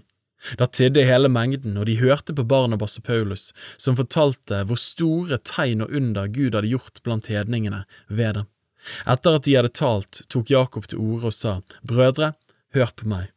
Simon har fortalt hvordan Gud fra først av sørget for å ta ut av hedningene et folk for sitt navn. Og med dette stemmer profetenes ord overens, som det står skrevet, deretter vil jeg vende tilbake og igjen bygge opp Davids falne hytte. Det nedbrutte av den vil jeg igjen bygge opp, og jeg vil gjenreise den, for at resten av menneskene skal søke Herren, ja, alle hedningefolkene som mitt navn er blitt nevnt over. Så sier Herren, Han som gjør dette, som Han har visst fra evighet av. Derfor mener jeg at vi ikke skal gjøre det vanskelig for dem av hedningene som omvender seg til Gud, men vi skal skrive til dem at de skal avholde seg fra det som er smittet av avgudene, og fra hor, og fra det som er kvalt, og fra blod. For Moses har fra gammel tid av noen som forkynner ham i hver by, og han blir opplest i synagogene hver sabbat. Der vedtok apostlene og de eldste sammen med hele menigheten å velge ut noen menn blant seg og sende dem til Antiokia sammen med Paulus og Barnabas. De valgte Judas med tilnavnet Barsabas og Silas, som var ledende menn blant brødrene, og ved deres hånd skrev de dette. Apostlene og eldstebrødrene hilser brødrene av hedningene i Antiokia og Syria og Kilikia. Da vi har fått høre at noen som er kommet fra oss, har forvirret dere med sin tale og vakt uro i deres sjeler, vi har ikke gitt dem noe oppdrag, syntes det godt for oss, etter at vi er kommet til enighet i denne saken, å velge noen menn og sende dem til dere sammen med våre kjære brødre Barnabas og Paulus, menn som har våget sitt liv for Herren Jesu Kristi navns skyld. Vi sender da Judas og Silas, og de skal også muntlig gjøre det samme kjent for dere. For Den hellige ånd og vi har besluttet ikke å legge på dere noe annen byrde enn de helt nødvendige tingene, at dere avstår fra avgudsoffer og blod og det som er kvalt, og hor. Om dere tar dere i vare for dette, vil det gå dere godt. Lev vel. De som ble sendt av sted, kom da ned til Antiokia. De samlet hele menigheten og ga dem brevet. Da de hadde lest det, gledet de seg alle over trøsten de fikk. Judas og Silas, som selv var profeter, talte meget til oppmuntring og styrke for brødrene. Da de hadde vært der en tid, lot brødrene dem dra tilbake med ønske om fred til dem som hadde sendt dem, men Silas fant det best å bli der. Paulus og Barnabas ble en tid i Antiokia. De lærte og forkynte Herrens ord og evangelium sammen med mange andre. Da det var gått en tid, sa Paulus til Barnabas, la oss dra tilbake og besøke brødrene i alle byene der vi forsynte Herrens ord, og se hvordan de har det. Barnabas ville da også ha med Johannes med tilnavnet Markus. Men Paulus mente at de ikke skulle ta med ham som hadde forlatt dem i Pamfylia og ikke gått med dem i arbeidet. Det ble da så bitter uenighet at de skiltes fra hverandre. Barnabas tok med seg Markus og seilte av sted til Kypros, men Paulus valgte Silas til å følge seg. Så dro han ut etter at brødrene hadde overgitt ham til Herrens nåde, og han dro gjennom Syria og Kilikia og styrket menighetene. Kapittel 16 Han kom da til Derbe og Lystra, og se, der var det en disippel som het Timoteus, sønn av en jødisk kvinne som var troende og en gresk far. Han hadde gått vitnesbyrd av brødrene i Lystra og Ikonium. Han ville Paulus ha med seg på reisen. Han omskar ham av hensyn til de jødene som bodde i de traktene, for alle visste at hans far var greker. Som de nå dro fra by til by, påla de brødrene at de skulle holde seg etter de forskriftene som var vedtatt av apostlene og de eldste i Jerusalem. Så ble da menighetene styrket i troen, og de vokste i tall for hver dag. De dro så gjennom Frygia og det galatiske land fordi de ble hindret av Den hellige ånd fra å tale ordet i Asia. Da de var kommet i nærheten av Mysia, prøvde de å dra til Bitynia, men Jesu ånd ga dem ikke lov. De gikk da forbi Mysia og kom ned til Troas. Om natten hadde Paulus et syn. Han så en makedonier som sto der og bønnfalte ham og sa, Kom over til Makedonia og hjelp oss. Da han hadde sett synet, prøvde vi straks å komme til Makedonia, for vi skjønte at Gud hadde kalt oss til å forkynne evangeliet for dem. Vi seilte så ut fra Troas og styrte rett til Samotrake og dagen etter til Neapolis. Derfra dro vi til Filippi, som er den største byen i den delen av Makedonia og en romersk koloni. Der i byen ble vi da noen dager. På sabbatsdagen gikk vi utenfor byporten, ned til en elv, hvor de pleide å holde bønn. Vi satte oss der og talte til kvinnene som var kommet sammen. En av dem var en kvinne ved navn Lydia, en purpurkremmerske fra Tyatira, som dyrket Gud etter jødenes tro. Hun hørte på, og Herren åpnet hennes hjerte, så hun ga akt på det som ble talt av Paulus. Da hun og de som tilhørte hennes hus var blitt døpt, ba hun oss og sa, Så sant dere holder meg for å være en som tror på Herren, så kom hjem til meg og bo der, og hun nødde oss. Men det skjedde en gang da vi dro ut til bønnestedet, at vi møtte en slavepike som hadde en spådomsånd. Hun skaffet herrene sine store inntekter ved å spå. Hun fulgte etter Paulus og oss og ropte, Disse menneskene er den høyeste Guds tjenere, som forkynner dere frelsens vei. Dette holdt hun på med å gjøre i mange dager, men Paulus ble harm og vendte seg og sa til ånden, Jeg befaler deg i Jesu Kristi navn, far ut av henne, og den for ut av henne i samme stund. Men da hennes herrer så at deres håp om inntekt forsvant, grep de Paulus og Silas og dro dem av sted til torget for å stille dem for retten. De førte dem fram for styresmennene og sa, Disse mennene skaper stor uro i byen vår, de er jøder, og de forkynner skikker som vi ikke har lov til å ta imot eller leve etter, vi som er romere. Folkemengden reiste seg også imot dem. Styresmennene rev da klærne av dem og befalte stokkeslag. Da de hadde gitt dem mange slag, kastet de dem i fengsel og befalte fangevokteren å passe godt på dem. Da han fikk en slik ordre, satte han dem i det innerste fangerommet og satte føttene deres fast i stokken. Men ved midnattstid holdt Paulus og Silas bønn og sang lovsanger til Gud, og fangene hørte på dem. Da kom det med ett et sterkt jordskjelv så fengselets grunnvoller ristet, og straks sprang alle dørene opp, og lenkene falt av alle fangene. Fangevokteren for da opp av søvne. Da han så at dørene til fengselet sto åpne, trakk han sverdet og ville ta sitt liv, for han trodde at fangene var rømt. Men Paulus ropte med høy røst og sa, Gjør ikke deg selv noe ondt, for vi er her, alle. Han ba da om lys, løp inn og falt skjelvende ned foran Paulus og Silas. Så førte han dem ut og spurte, Herrer, hva skal jeg gjøre for å bli frelst? De sa da, Tro på Herren Jesus, så skal du bli frelst, du og ditt hus. De talte da Herrens ord til ham og til alle som var i hans hus. Og samme time på natten tok han dem med seg og vasket dem etter slagene, og straks ble han døpt med alle sine. Han førte dem opp i sitt hus og dekket bord for dem, og han gledet seg etter at han med hele sitt hus var kommet til troen på Gud. Da det var blitt dag, sendte styresmennene bud med rettstjeneren og sa, Sett disse mennene fri. Fangevokteren fortalte dette til Paulus. Styresmennene har sendt bud om at dere skal bli satt fri, kom nå ut og dra bort med fred. Men Paulus sa til dem, de har slått oss offentlig uten lov og dom, ennå vi er romerske borgere, og kastet oss i fengsel. Og nå vil de sende oss bort i hemmelighet, nei, de får nok selv komme og føre oss ut. Rettstjenerne brakte denne beskjeden tilbake til styresmennene. De ble redde da de fikk høre at de var romerske borgere. Da kom de selv og godsnakket med dem. De førte dem ut og ba dem dra bort fra byen. Etter at de var kommet ut fra fengselet, gikk de hjem til Lydia. Her traff de brødrene, og de formante og trøstet dem, så dro de videre.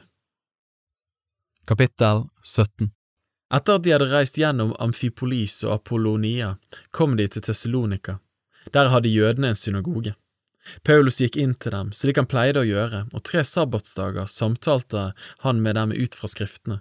Han la ut for dem og viste at Messias måtte lide og stå opp fra de døde, og sa, Den Jesus som jeg forkynner for dere, han er Messias.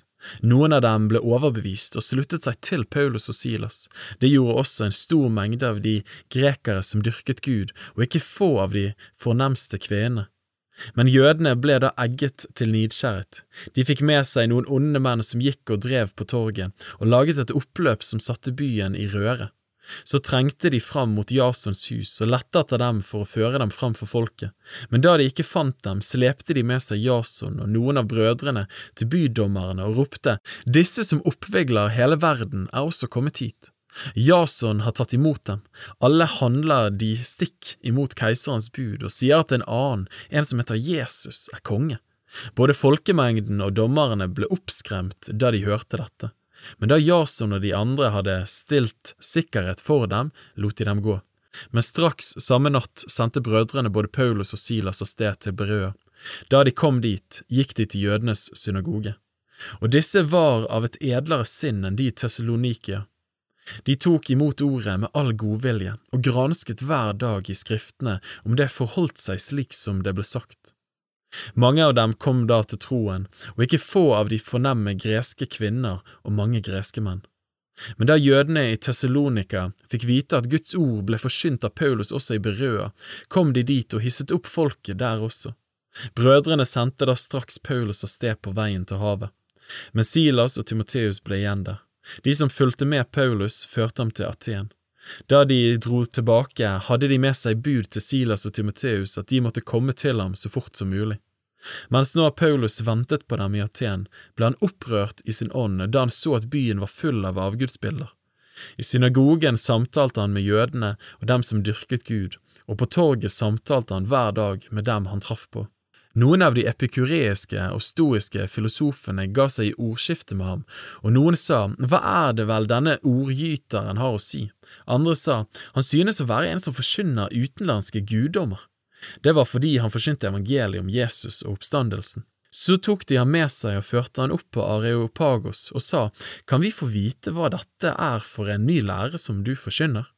For underlige ting bringer du oss for øre. Vi vil derfor gjerne vite hva dette skal bety. Alle atenerne og de fremmede som oppholdt seg der, ga seg ikke tid til annet enn å fortelle eller høre nytt. Så sto da Paulus fram midt på Areopagos og sa, Atenske menn, jeg ser at dere på alle måter er meget religiøse. For da jeg gikk omkring og så på deres helligdommer, fant jeg et alter med denne innskriften, For en ukjent Gud. Det som dere altså dyrker uten å kjenne, det forkynner jeg dere. Gud, Han som skapte verden og alt som i den er, Han som er Herre over himmel og jord, han bor ikke i templer som er bygd med hender. Heller ikke lar han seg tjene av menneskehender som om han trengte til noe, for det er han selv som gir alle liv og ånde og alle ting. Han lot alle folkeslag av ett blod bo over hele jorderiket, og han satte faste tider for dem og bestemte grensene mellom deres bosteder. Dette gjorde han for at de skulle søke Gud, om de kanskje kunne føle ham og finne ham ennå han ikke er langt borte fra en eneste av oss. For i ham er det vi lever og rører oss og er til, som også noen av deres egne diktere har sagt, for vi er også hans slekt.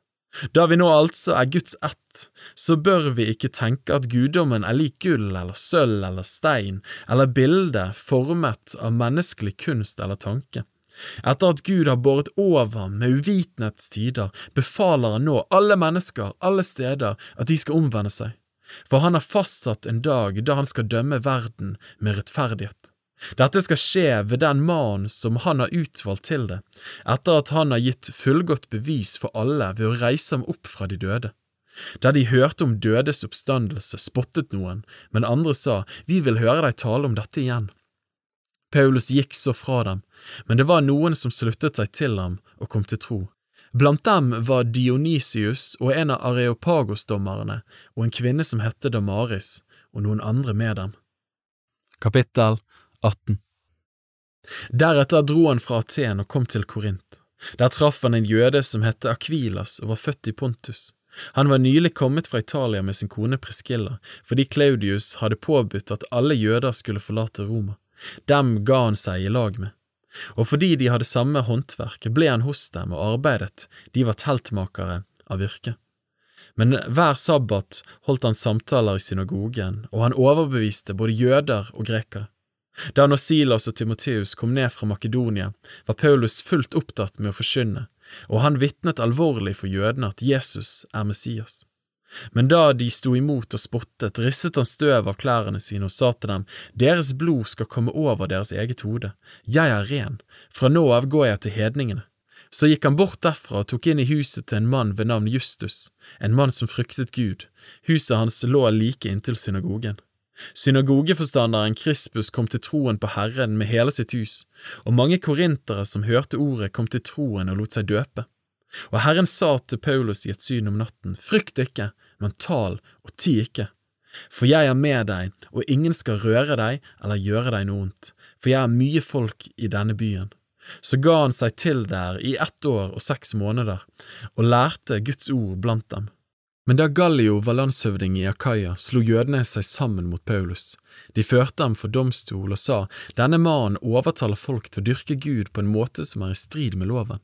Nettopp som Paulus var i ferd med å åpne munnen, sa Gallio til jødene, hadde det vært tale om en forbrytelse eller stygg ugjerning, dere jøder, da hadde jeg hatt god grunn til å høre tålmodig på dere. Men er det spørsmål om en lære og om et navn og om en lov som gjelder hos dere, da får det bli deres egen sak. Dommer i disse tingene vil jeg ikke være. Og han viste dem bort fra domstolen. Da tok alle fatt på synagogeforstanderen Sostenes og slo ham like foran domstolen, men Gallio brydde seg ikke noe om det. Paulus ble der ennå en lang tid. Så tok han avskjed med brødrene og seilte av sted til Syria, sammen med Preskilla og Akvilas. I Kenkrea klippet han håret, for han hadde et løfte på seg. Så kom de til Efesus. Der lot Paulus de andre bli igjen, men selv gikk han inn i synagogen og ga seg i samtale med jødene. Da de ba ham bli der lenger, samtykte han ikke, men tok avskjed med dem og sa, Om Gud vil, skal jeg komme tilbake til dere. Så seilte han til Efesus. Da han kom til Cesarea, gikk han opp og hilste på menigheten, så dro han til Antiokia. Da han hadde vært der en tid, reiste han ut igjen. Han dro fra sted til sted gjennom hele det galatiske land og Frygia og styrket alle disiplene. Det var en jøde ved navn Apollos, født i Alexandria, som kom til Efesus. Han var en veltalende mann, og han var sterk i skriftene. Han var opplært i Herrens vei. Og da han var brennende i åren, talte og lærte han grundig om Jesus, ennå han bare kjente Johannes dåp. Han begynte å tale frimodig i synagogen. Da Preskilla og Kvilas hadde hørt ham, ba de ham til seg og la Guds vei nøyere ut for ham. Da han nå ville dra videre til Akaya, oppmuntret brødrene ham til dette.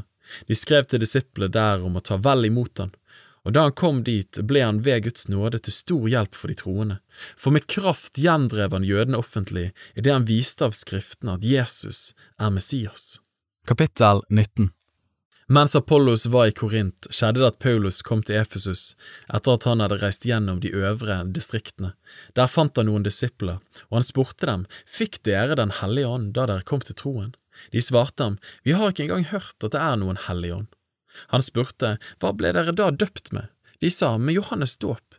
Da sa Paulus, Johannes døpte med omvendelsens dåp, og sa til folket at de skulle tro på den som kom etter ham, det er på Jesus. Da de hørte dette, lot de seg døpe til Herren Jesu navn. Og da Paulus la hendene på dem, kom Den hellige ånd over dem, og de talte med tunger og profetiske ord. Det var omkring tolv menn i alt. Han gikk så inn i synagogen og talte frimodig i tre måneder. Han førte samtaler med dem og overbeviste dem om det som hører Guds rike til. Men noen forherdet seg og ville ikke tro, de talte ille om veien så mengden hørte det. Da brøt han lag med dem og skilte disiplene fra dem og holdt daglige samtaler i Tyrannus skole. Dette varte i to år, så alle som bodde i Asia fikk høre Herrens ord, både jøder og grekere, og Gud gjorde helt uvanlige kraftgjerninger ved Paulus hender, så at folk til og med tok svetteduker eller arbeidsforklær som han hadde hatt på seg og bar til de syke, og sykdommene forlot dem og de onde åndene for ut av dem. Men også noen av de jødiske åndemanere som for omkring, prøvde å nevne Herren Jesu navn over dem som var besatt av onde ånder. De sa, Jeg maner dere ved den Jesus som Paulus forkynner. Det var sju sønner av Skevas, en jødisk yppersteprest, som gjorde dette. Men den onde åren svarte dem, Jesus kjenner jeg, og Paulus vet jeg om, men dere, hvem er dere? Og mannen som den onde ånden var i, for løs på dem og overvant dem alle og fikk makt over dem, så de måtte flykte nakne og såret ut av huset. Dette ble da kjent for alle dem som bodde i Efesus, både jøder og grekere, så det kom frykt over dem alle, og Herren Jesu navn ble lovprist. Mange av dem som var blitt troende, kom og bekjente og fortalte hva de hadde drevet med. Ikke få av dem som hadde drevet med trolldomskunster, bar sammen bøkene sine og brente dem opp for alles øyne, og de regnet ut verdien av dem og fant ut at den var 50 000 sølvpenger. Slik hadde Herrens ord stor fremgang og fikk makt. Etter at dette var fullført, bestemte Paulus seg for å reise gjennom Makedonia og Akaia og dra til Jerusalem, og han sa, Når jeg har vært der, må jeg også se Roma. Han sendte da to av medhjelperne sine, Timoteus og Erastus, til Makedonia, selv ble han ennå en tid i Asia. Ved denne tiden ble det ikke lite oppstyr om veien, for en mann ved navn Demetrius, en sølvsmed, laget Artemis-templer av sølv og hjalp kunsthåndverkerne til en ikke liten inntekt.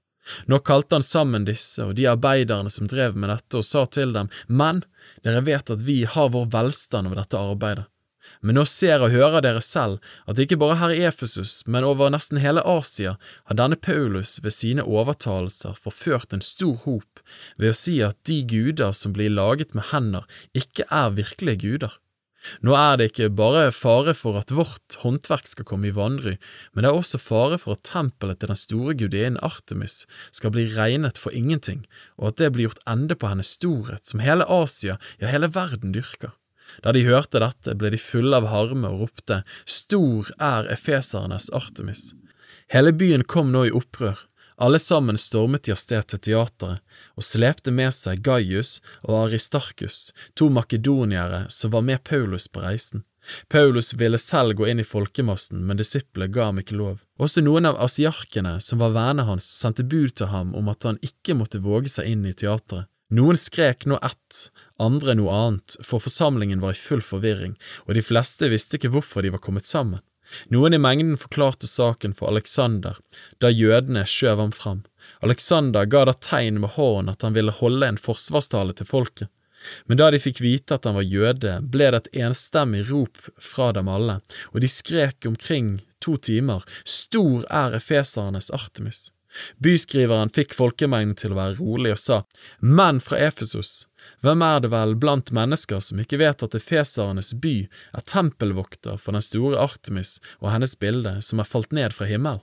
Ettersom ingen kan motsi dette, må dere nå holde dere rolige og ikke gjøre noe overilt.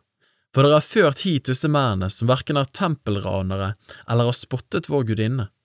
Har da Demetrius og håndverkerne som er med ham noen anklage mot noen, så har vi jo domstoler, og her er landshøvdinger. La dem saksøke hverandre og har dere noe å kreve i andre saker, da skal det bli avgjort i lovlig tingmøte. For vi står i fare for å bli satt under tiltale for opprør på grunn av det som har skjedd i dag, og vi har ingen grunn å vise til om vi blir krevd til regnskap for dette oppløpet. Ved å tale slik fikk han oppløst forsamlingen. Kapittel 20 Da oppstyret hadde lagt seg, kalte Paulus disiplet til seg og oppmuntret dem. Så tok han farvel og dro av sted for å reise til Makedonia. Etter at han hadde reist gjennom disse områdene og hadde formant brødrene med mange ord, kom han til Hellas. Der ble han i tre måneder. Da han var i ferd med å seile av sted til Syria, la jødene planer mot ham. Derfor bestemte han seg for å dra tilbake gjennom Makedonia.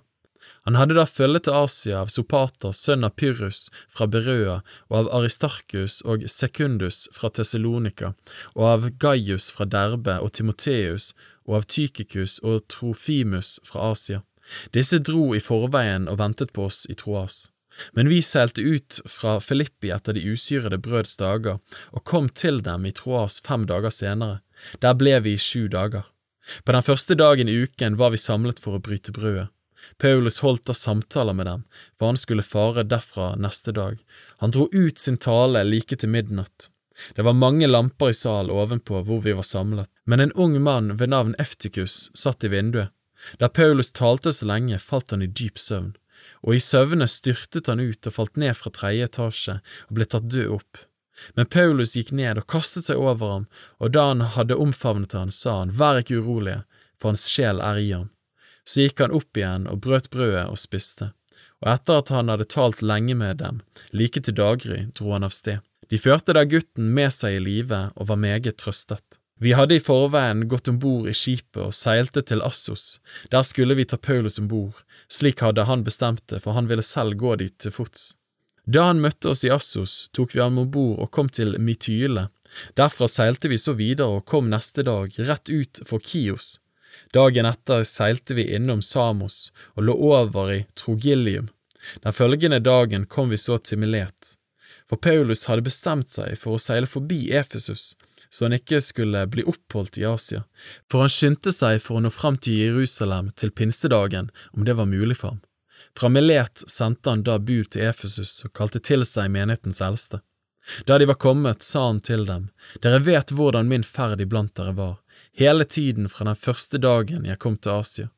Jeg tjente Herren med all ydmykhet og under tårer og prøvelser som kom over meg ved jødenes onde planer. Jeg holdt ikke tilbake noe av det som kunne være til gagn for dere, men forsynte dere det og lærte dere det offentlig og i husene. Jeg vitnet både for jøder og for grekere om omvendelse til Gud og troen på vår Herre Jesus Kristus. Og se, bundet av åren drar jeg nå til Jerusalem og vet ikke hva som skal møte meg der. Jeg vet bare at Den hellige ånd i by etter by vitner for meg og sier at lenker og trengsler venter meg. Men for meg selv akter jeg ikke livet mitt et ord verd, når jeg bare kan fullende mitt løp og den tjenesten som jeg fikk av Herren Jesus, og vitne om Guds nådes evangelium. Og se, nå vet jeg at dere aldri mer skal se mitt ansikt, alle dere som jeg gikk omkring iblant og forsynte riket. Derfor vitner jeg for dere på denne dag at jeg er ren for alles blod. For jeg har ikke holdt noe tilbake, men jeg har forsynt dere hele Guds råd. Så gi det akt på dere selv og på hele jorden, som Den hellige ånd har satt dere som tilsynsmenn for, for at dere skulle vokte Guds menighet, som han vant seg med sitt eget blod. Jeg vet at etter min bortgang skal det komme glupende ulver inn blant dere, som ikke skåner jorden. Ja, blant dere selv skal det fremstå menn som fører falsk tale for å lokke disiplene etter seg. Våk derfor og husk at jeg i tre år, natt og dag, ikke holdt opp med å formane hver eneste en med tårer. Og nå overgir jeg dere til Gud og Hans nådes ord, som er mektig til å oppbygge dere og gi dere arv sammen med alle dem som er blitt helliget. Jeg har ikke traktet etter sølv eller gull eller klær fra noen. Dere vet selv at det jeg og de som var med meg trengte, det har disse hendene arbeidet for. På alle måter har jeg vist dere at slik bør vi arbeide, for vi må ta oss av de svake. For vi minnes de ordene Herren Jesus selv sa, det er saligere å gi enn å ta imot. Da han hadde sagt dette, bøyde han kne og ba sammen med dem alle. Da brast de alle i sterk gråt, og de falt Paulus om halsen og kysset ham gang etter gang. Mest sørget de over det han hadde sagt, at de aldri mer skulle få se hans ansikt. Så fulgte de ham til skipet. Kapittel 21 Da vi hadde revet oss løs fra dem og seilt av sted, styrte vi rett fram og kom til Kos. Neste dag dro vi til Rodos og derfra til Patara. Der fant vi et skip som skulle fare rett over til Funikia. Vi gikk da om bord og seilte av sted. Etter at vi hadde fått Kypros i sikte og lagt den bak oss på venstre side, seilte vi over til Syria og kom inn til Tyrus, for der skulle skipet losse lasten. Vi oppsøkte da disiplene og ble der i sju dager. De sa til Paulus ved åren at han ikke måtte dra opp til Jerusalem. Der vi hadde vært der disse dagene, brøt vi opp og dro videre. De fulgte oss alle ut av byen, også kvinner og barn. På stranden bøyde vi kne og ba. Så tok vi farvel med hverandre. Vi gikk om bord i skipet, de vendte tilbake til sitt. Fra Tyrus kom vi til Putolemais, og her var sjøreisen slutt. Vi hilste på brødrene og ble hos dem en dag. Neste dag dro vi videre og kom til Cesarea. Der tok vi inn i huset til Philip, evangelisten, som var en av de sju, og vi ble hos ham. Han hadde fire ugifte døtre som hadde profetisk gave. Mens vi nå ble der i flere dager, kom en profet ved navn Agabus ned fra Judea. Da han kom til oss, tok han Paulus belte og bandt seg selv på hender og føtter, og han sa, Så sier Den hellige ånd, Slik skal jødene i Jerusalem binde den mannen som eier dette beltet, og utlevere ham til hedningene. Da vi hørte dette, ba vi ham, både vi og de som bodde der på stedet, at han ikke måtte dra opp til Jerusalem. Men Paulus svarte, Hvorfor gråter dere og knuser mitt hjerte? Jeg er beredt, ikke bare til å bli bundet, men også til å dø i Jerusalem for Herren Jesu navns skyld. Da han ikke lot seg overtale, slo vi oss til ro og sa, Skje Herrens vilje. Da disse dagene var gått, gjorde vi oss reiseklare og dro opp til Jerusalem. Sammen med oss reiste også noen av disiplene fra Cesarea. De førte oss til en som hette Mnason fra Kypros, en gammel disippel. Hos ham skulle vi bo. Da vi kom til Jerusalem, tok brødrene imot oss med glede. Neste dag gikk Paulus med oss til Jakob, og alle de eldste kom dit. Da han hadde hilst på dem, fortalte han hva Gud hadde gjort blant hedningene ved hans tjeneste, det ene etter det andre. Da de hørte det, priste de Gud. Så sa de til ham, Du ser, bror, at mange tusen blant jødene er kommet til troen, og alle er de nidkjære for loven.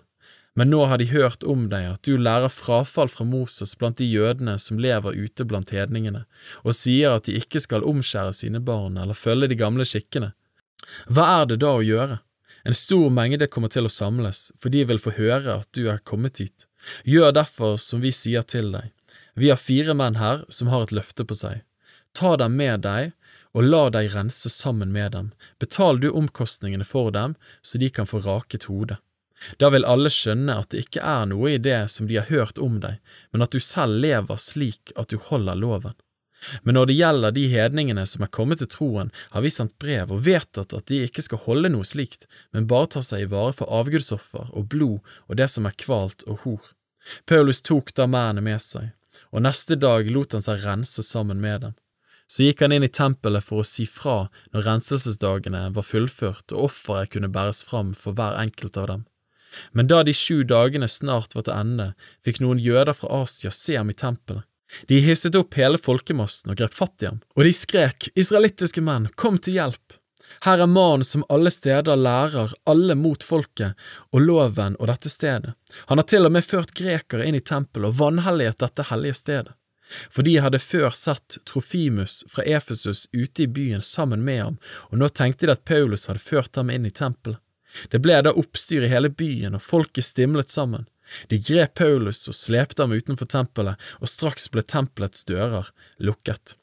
Mens de nå var i ferd med å ville slå ham i hjel, gikk det melding opp til den øverste høvedsmannen for vakten om at hele Jerusalem var i et røre. Han tok da straks med seg soldater og høvedsmenn og skyndte seg ned til dem. Men da de så den øverste høvedsmannen og soldatene, holdt de opp med å slå Paulus. Den øverste høvedsmannen kom da bort til ham og lot ham gripe. Han ga ordre om at han skulle bindes med to lenker. Så spurte han hvem han var, og hva han hadde gjort, men i folkemengden ropte noe ett, andre noe annet. Og da han ikke kunne få skikkelig beskjed på grunn av oppstyret, bød han at Paulus skulle føres inn i festningen.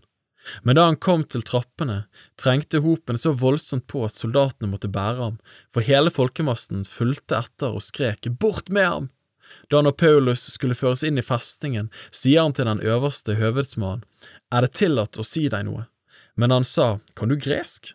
Du er altså ikke den egypteren som for en tid siden fikk i stand et opprør og førte de 4000 snikmorderne ut i ørkenen?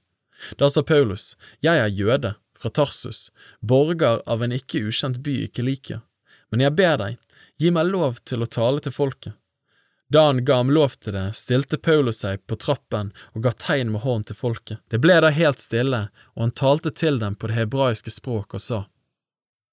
Kapittel 22 Brødre og fedre, hør på det jeg nå har å si til mitt forsvar. Da de hørte at han talte til dem på det hebraiske språk, holdt de seg enda mer stille. Han sier da, Jeg er jøde, født i Tarsus i Kilikia, men oppfostret i denne byen. Ved Gamaliels føtter ble jeg opplært etter de strenge kravene i den lov som vi har fra fedrene, og jeg var nidkjær for Gud som dere alle er i dag. Denne veien forfulgte jeg til døden, og jeg bandt og kastet i fengsel både menn og kvinner. Det kan både ypperstepresten og hele eldsterådet bevitne. Av dem fikk jeg også brev med til brødrene i Damaskus, og jeg reiste dit for å føre dem som var der, i lenker til Jerusalem for at de skulle bli straffet. Men da jeg var på veien og nærmet meg Damaskus, da strålte plutselig ved middagstider et sterkt lys fra himmelen om meg, og jeg falt til jorden og hørte en røst som sa til meg, Saul, Saul, hvorfor forfølger du meg? Jeg svarte, Hvem er du, Herre? Og han sa til meg, Jeg er Jesus fra Nasaret, han som du forfølger. De som var med meg, så lyset, men røsten av ham som talte til meg, hørte de ikke. Jeg sa da, Hva skal jeg gjøre, Herre? Og Herren sa til meg, Reis deg opp og gå inn i Damaskus, der skal det bli talt til deg om alt det du er bestemt til å gjøre. På grunn av glansen av dette lyset kunne jeg ikke se. De som var med meg, leide meg i dag ved hånden, og jeg kom inn til Damaskus.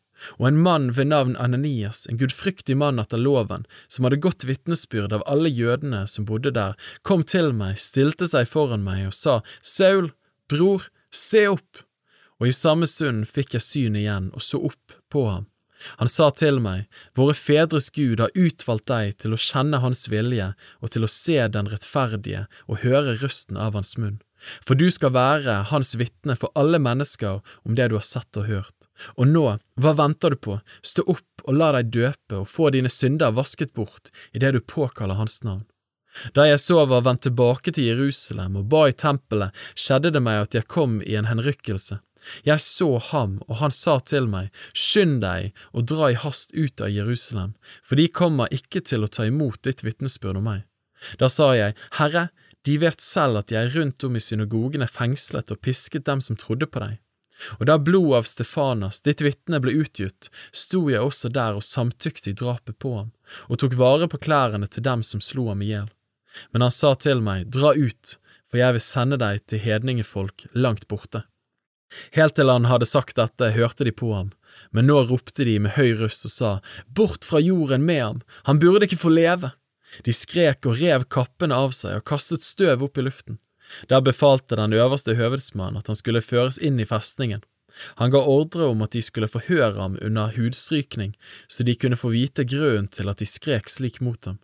Men da de hadde spent ham fast for å hudstryke ham, sa Paulus til høvedsmannen som sto der, har dere lov til å hudstryke en romersk borger, og det uten dom? Da høvedsmannen hørte det, gikk han til den øverste høvedsmannen og meldte det og sa, Hva er det du er i ferd med å gjøre? Denne mannen er jo romersk borger. Den øverste høvedsmannen gikk da selv til Paulus og spurte, Si meg, er du romersk borger? Han svarte, Ja. Den øverste høvedsmannen sa, Jeg har kjøpt denne borgerretten for en stor sum penger. Paulus svarte, men jeg er endog født til den. De som skulle ha forhørt ham, gikk da straks fra ham. Men da den øverste høvedsmannen hadde fått vite at han var romersk borger, ble også han redd, fordi han hadde bundet ham. Men neste dag ville han ha nøyaktig kjennskap til hva det var judeerne anklaget ham for. Han løste ham da fra lenkene og befalte at yppersteprestene og hele rådet skulle komme sammen. Så førte han Paulus ned og stilte ham fram for dem. Kapittel 23 Paulus så da fast på rådet og sa, Brødre, med fullgod samvittighet har jeg levd mitt liv for Gud like til denne dag. Ypperstepresten Ananias bød da dem som sto der, å slå ham på munnen. Da sa Paulus til ham, Gud skal slå deg, din kalkede vegg. Her sitter du for å dømme meg etter loven, og så bryter du loven ved å befale at de skal slå meg. De som sto der, sa da, skjeller du ut Guds ypperste prest? Og Paulus sa, jeg visste ikke, brødre, at det var ypperstepresten. Det står jo skrevet, mot en høvding blant ditt folk skal du ikke bruke ukramsord. Da når Paulus visste at den ene del av dem var sadukeere og den andre del fariseere, ropte han ut i rådet, Brødre, jeg er en fariseer, sønn av fariseere. Det er for håp om de dødes oppstandelse at jeg står her for retten. Da han sa dette, ble det strid mellom fariseerne og sadukeerne, og hopen delte seg. For sadukeerne sier at det ikke er noen oppstandelse, heller ikke noen engel eller ånd, men fariseerne lærer begge deler. Det ble nå rop og skrik, og noen skriftlærde av fariseerpartiet sto fram og tok striden opp. De sa, Vi finner ikke noe ondt hos dette mennesket. Tenk om det var en ånd som talte til ham, eller en engel.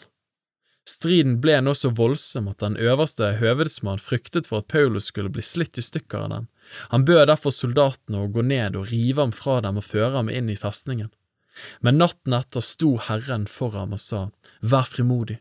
Like som du har vitnet om meg i Jerusalem, slik er det nødvendig at du også vitner i Roma. Men da det var blitt dag, fikk judeerne i stand en sammensvergelse og forbannet seg på at de hverken ville ete eller drikke før de hadde drept Paulus. Det var mer enn 40 menn som var med i denne sammensvergelsen. Disse gikk til ypperstepresten og de eldste og sa, med en ed har vi forbannet oss på at vi ikke skal smake mat før vi har drept Paulus. Nå må dere sammen med rådet gjøre det klart for den øverste høvedsmannen at han skal føre ham ned til dere, som om dere ville undersøke hans sak nøyere, så holder vi oss klar til å drepe ham før han når fram. Men Paulus' søstersønn fikk høre om dette bakholdet. Han gikk av sted og kom inn i festningen og fortalte det til Paulus. Da kalte Paulus en av høvedsmennene til seg og sa, Før denne unge mannen til den øverste høvedsmannen, for han har noe å melde ham. Han tok ham da med seg og førte ham til den øverste høvedsmannen og sa, Fangen Paulus kalte meg til seg og ba meg føre denne unge mannen til deg, for han har noe å si deg. Den øverste høvedsmannen tok ham da ved hånden og trakk ham til side. Så spurte han ham, Hva er det du har å fortelle meg? Han sa da, Judeerne har avtalt å be deg om å føre Paulus ned til rådet i morgen, som om det ville undersøke saken hans nøyere, men du må ikke la deg overtale av dem, for mer enn 40 menn av dem ligger i bakhold mot ham, og de har forbannet seg på at de hverken vil ete eller drikke før de har drept ham. Nå holder de seg klar og venter på at du skal gi tilsagn om dette. Den øverste høvedsmannen lot da den unge mannen gå og bød ham, du må ikke si til noen at du har latt meg få vite dette. Han kalte så til seg to av høvedsmennene og sa, la 200 soldater holde seg klar til å dra til Cesarea fra den tredje time på natten, sammen med 70 hestfolk og 200 skyttere. Og han bød dem også at de skulle skaffe ridedyr så de kunne la Paulus ri på dem og føre ham trygt fram til landshøvdingen Felix. Og han skrev et brev med dette innholdet. Claudius Lysias hilser den mektige landshøvding Felix. Denne mannen, som var grepet av jødene og nær ved å bli drept av dem, ham fridde jeg ut. Jeg kom til med soldatene etter at jeg hadde fått vite at han var romersk borger.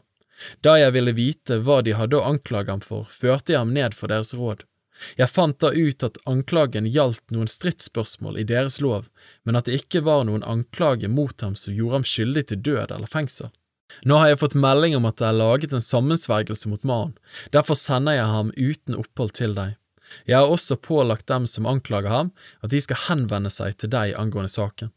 Soldatene tok da Paulus, slik det var blitt pålagt dem, og førte ham til Antipatris om natten. Dagen etter lot de hestefolket dra videre med ham, mens de selv vendte tilbake til festningen. De kom da til Cesarea og lot landshøvdingen få brevet, og førte også Paulus fram for ham. Da han hadde lest brevet, spurte han hva land han var fra. Da han hadde fått vite at han var fra Kalikia, sa han, Jeg skal forhøre deg når anklagerne dine er kommet til stede, og han bød at han skulle bli holdt i varetekt i Herodesborg. Kapittel 24 Fem dager senere kom ypperstepresten Ananias dit med noen av de eldste og en sakfører, Tertullus. Disse fremførte for landshøvdingen sin anklage mot Paulus. Han ble da kalt fram, og Tertullus begynte på anklagen mot ham og sa, Mektigste Felix, takket være deg har vi fred og ro, og ved din omsorg nyter dette folket godt av forbedringer, på alle måter og alle steder. Dette skjønner vi på med stor takknemlighet. Men for at jeg ikke skal hefte deg for lenge, ber jeg deg at du i din mildhet vil høre på det vi i korthet vil si. For vi har funnet ut at denne mannen er en pest og en oppvigler blant alle jødene rundt om i verden. Han er en leder for nasareerens sekt. Han har til og med forsøkt å vanhellige tempelet. Derfor grep vi ham og ville dømme ham etter vår lov. Men Lysias, den øverste høvedsmannen, rev ham med vold og makt ut av våre hender og førte ham bort. Og han befalte hans anklagere å gå til deg. Om du nå vil undersøke saken, kan du av mannen selv få bekreftet alt det vi anklager ham for. Jødene støttet ham og sa at det forholdt seg slik. Landshøvdingen ga Paulus et tegn at han kunne tale. Han svarte, Da jeg vet at du i mange år har vært dommer for dette folket, fører jeg mitt forsvar med frimodighet. Du kan lett få bekreftet at det ikke er mer enn tolv dager siden jeg kom opp til Jerusalem for å tilbe. Verken i tempelet eller synagogene eller rundt om i byen har de funnet at jeg talte med noen, eller at jeg oppviglet folket. Heller ikke kan de bevise for deg de andre anklagene de har imot meg. Men det vedgår jeg for deg, at etter den veien som de kaller en sekt, tjener jeg våre fedres Gud, slik at jeg tror alt det som er skrevet i loven og i profetene. Og jeg har det håp til Gud, som også disse selv venter på, at det skal finne sted en oppstandelse både av rettferdige og urettferdige. Derfor legger jeg selv vind på alltid å ha en uskadd samvittighet for Gud og mennesker. Etter flere års foreløp kom jeg for å overbringe kjærlighetsgaver til mitt folk og for å ofre. Mens jeg var i ferd med dette, etter at jeg hadde renset meg, fant de meg i tempelet. Det var ikke noe oppløp eller noe oppstyr, men det var noen jøder fra Asia der, og disse burde stå fram for deg og anklage meg om de hadde noe å si på meg. Eller la disse selv si hva skyld de fant hos meg da jeg sto for rådet. Det måtte da være den ene setningen jeg ropte da jeg sto iblant dem, det er for de dødes oppstandelse jeg i dag står for retten iblant dere. Men Felix utsatte saken, for han hadde nøye kjennskap til veien, og han sa, Når øverste høvedsmann Lysias kommer hit ned, skal jeg ta stilling til saken mellom dere. Han bød høvedsmannen at Paulus skulle holdes i varetekt og bli mildt behandlet. De skulle ikke hindre noen av hans egne fra å være til tjeneste for ham. Etter noen dager kom Felix sammen med sin kone Drusilla, som var jødinne. Han sendte bud etter Paulus og hørte ham vitne om troen på Jesus som Messias. Men da han talte om rettferdighet og avhold og den kommende dom, ble Felix forferdet og sa, Gå bort for denne gangen. Når jeg får tid, skal jeg sende bud på deg igjen. Samtidig håpet han at han skulle få penger av Paulus. Derfor sendte han ofte bud etter ham og talte med ham. Da to år var gått, fikk Felix til ettermann Porsius Festus, og da Felix gjerne ville vinne takk av jødene, lot han Paulus være igjen der i lenker. Kapittel 25 Tre dager etter at Festus hadde tiltrådt sitt embete som landshøvding, dro han opp til Jerusalem fra Cesarea. Yppersteprestene og jødenes fremste menn førte da fram for ham sine anklager mot Paulus og kom med en anmodning til ham. De ba ham vise dem den gunst å la Paulus bli hentet til Jerusalem, for de ville ligge i bakhold for å drepe ham på veien. Men Festus svarte da at Paulus ble holdt i varetekt i Cesarea, og at han selv snart skulle dra dit ned. Han sa, De av dere som har myndighet til det, kan da dra ned sammen med meg. Om det er noe galt med denne mannen, kan de da fremføre sin anklage imot ham. Han ble der ikke mer enn åtte–ti dager før han reiste ned til Cesarea igjen. Dagen etter satte han seg på dommersetet og bød Paulus skulle føres fram. Da han var kommet inn, stilte de jødene som var kommet fra Jerusalem, seg rundt ham og fremførte mange svære anklager mot ham. Men de var ikke i stand til å bevise dem, og Paulus forsvarte seg og sa, Verken mot jødenes lov eller mot tempelet eller mot keiseren har jeg forbrutt meg. Men da Festus gjerne ville vinne takk av jødene, svarte han Paulus og sa, Er du villig til å dra opp til Jerusalem og der få dom av meg i denne saken? Men Paulus sa, Jeg står for keiserens domstol. Der har jeg rett til å bli dømt. Mot jødene har jeg ikke gjort noen urett. Det vet du også meget vel. Har jeg begått urett, og har jeg gjort noe som fortjener døden, så ber jeg meg ikke fri for å dø. Men er det ikke noe i det som disse anklager meg for, da kan ingen overgi meg til dem bare for å gjøre dem til lags. Jeg innanker saken min for keiseren. Festus talte da med sine rådgivere og svarte, For keiseren har du innanket din sak, til keiseren skal du fare. Noen dager senere kom kong Agrippa og Berenike til Cesarea for å hilse på Festus. Da de nå hadde vært der i flere dager, fortalte Festus kongen om Paulus og sa, Her er en mann som Felix lot være igjen som fange. Da jeg kom til Jerusalem, førte yppersteprestene og jødenes eldste anklage mot ham og ba om å få ham dømt. Jeg svarte dem da at det ikke er skikk å bruke hos romerne å overgi noe menneske til noen. Den anklagede må først bli stilt fram for sine anklagere og få anledning til å forsvare seg mot klagemål. Da de så var kommet sammen her, utsatte jeg ikke saken, men satte meg neste dag på dommersetet og bød at mannen skulle føres fram. Men da anklagerne sto omkring ham, hadde de ikke noen forbrytelse å anklage ham for, slik jeg hadde tenkt meg men de hadde noen stridsspørsmål med ham om deres egen religion, og om en som het Jesus, som var død, men som Paulus sa var i live. Da jeg nå var i villrede angående denne striden, spurte jeg om han ville reise til Jerusalem og der få dom i saken.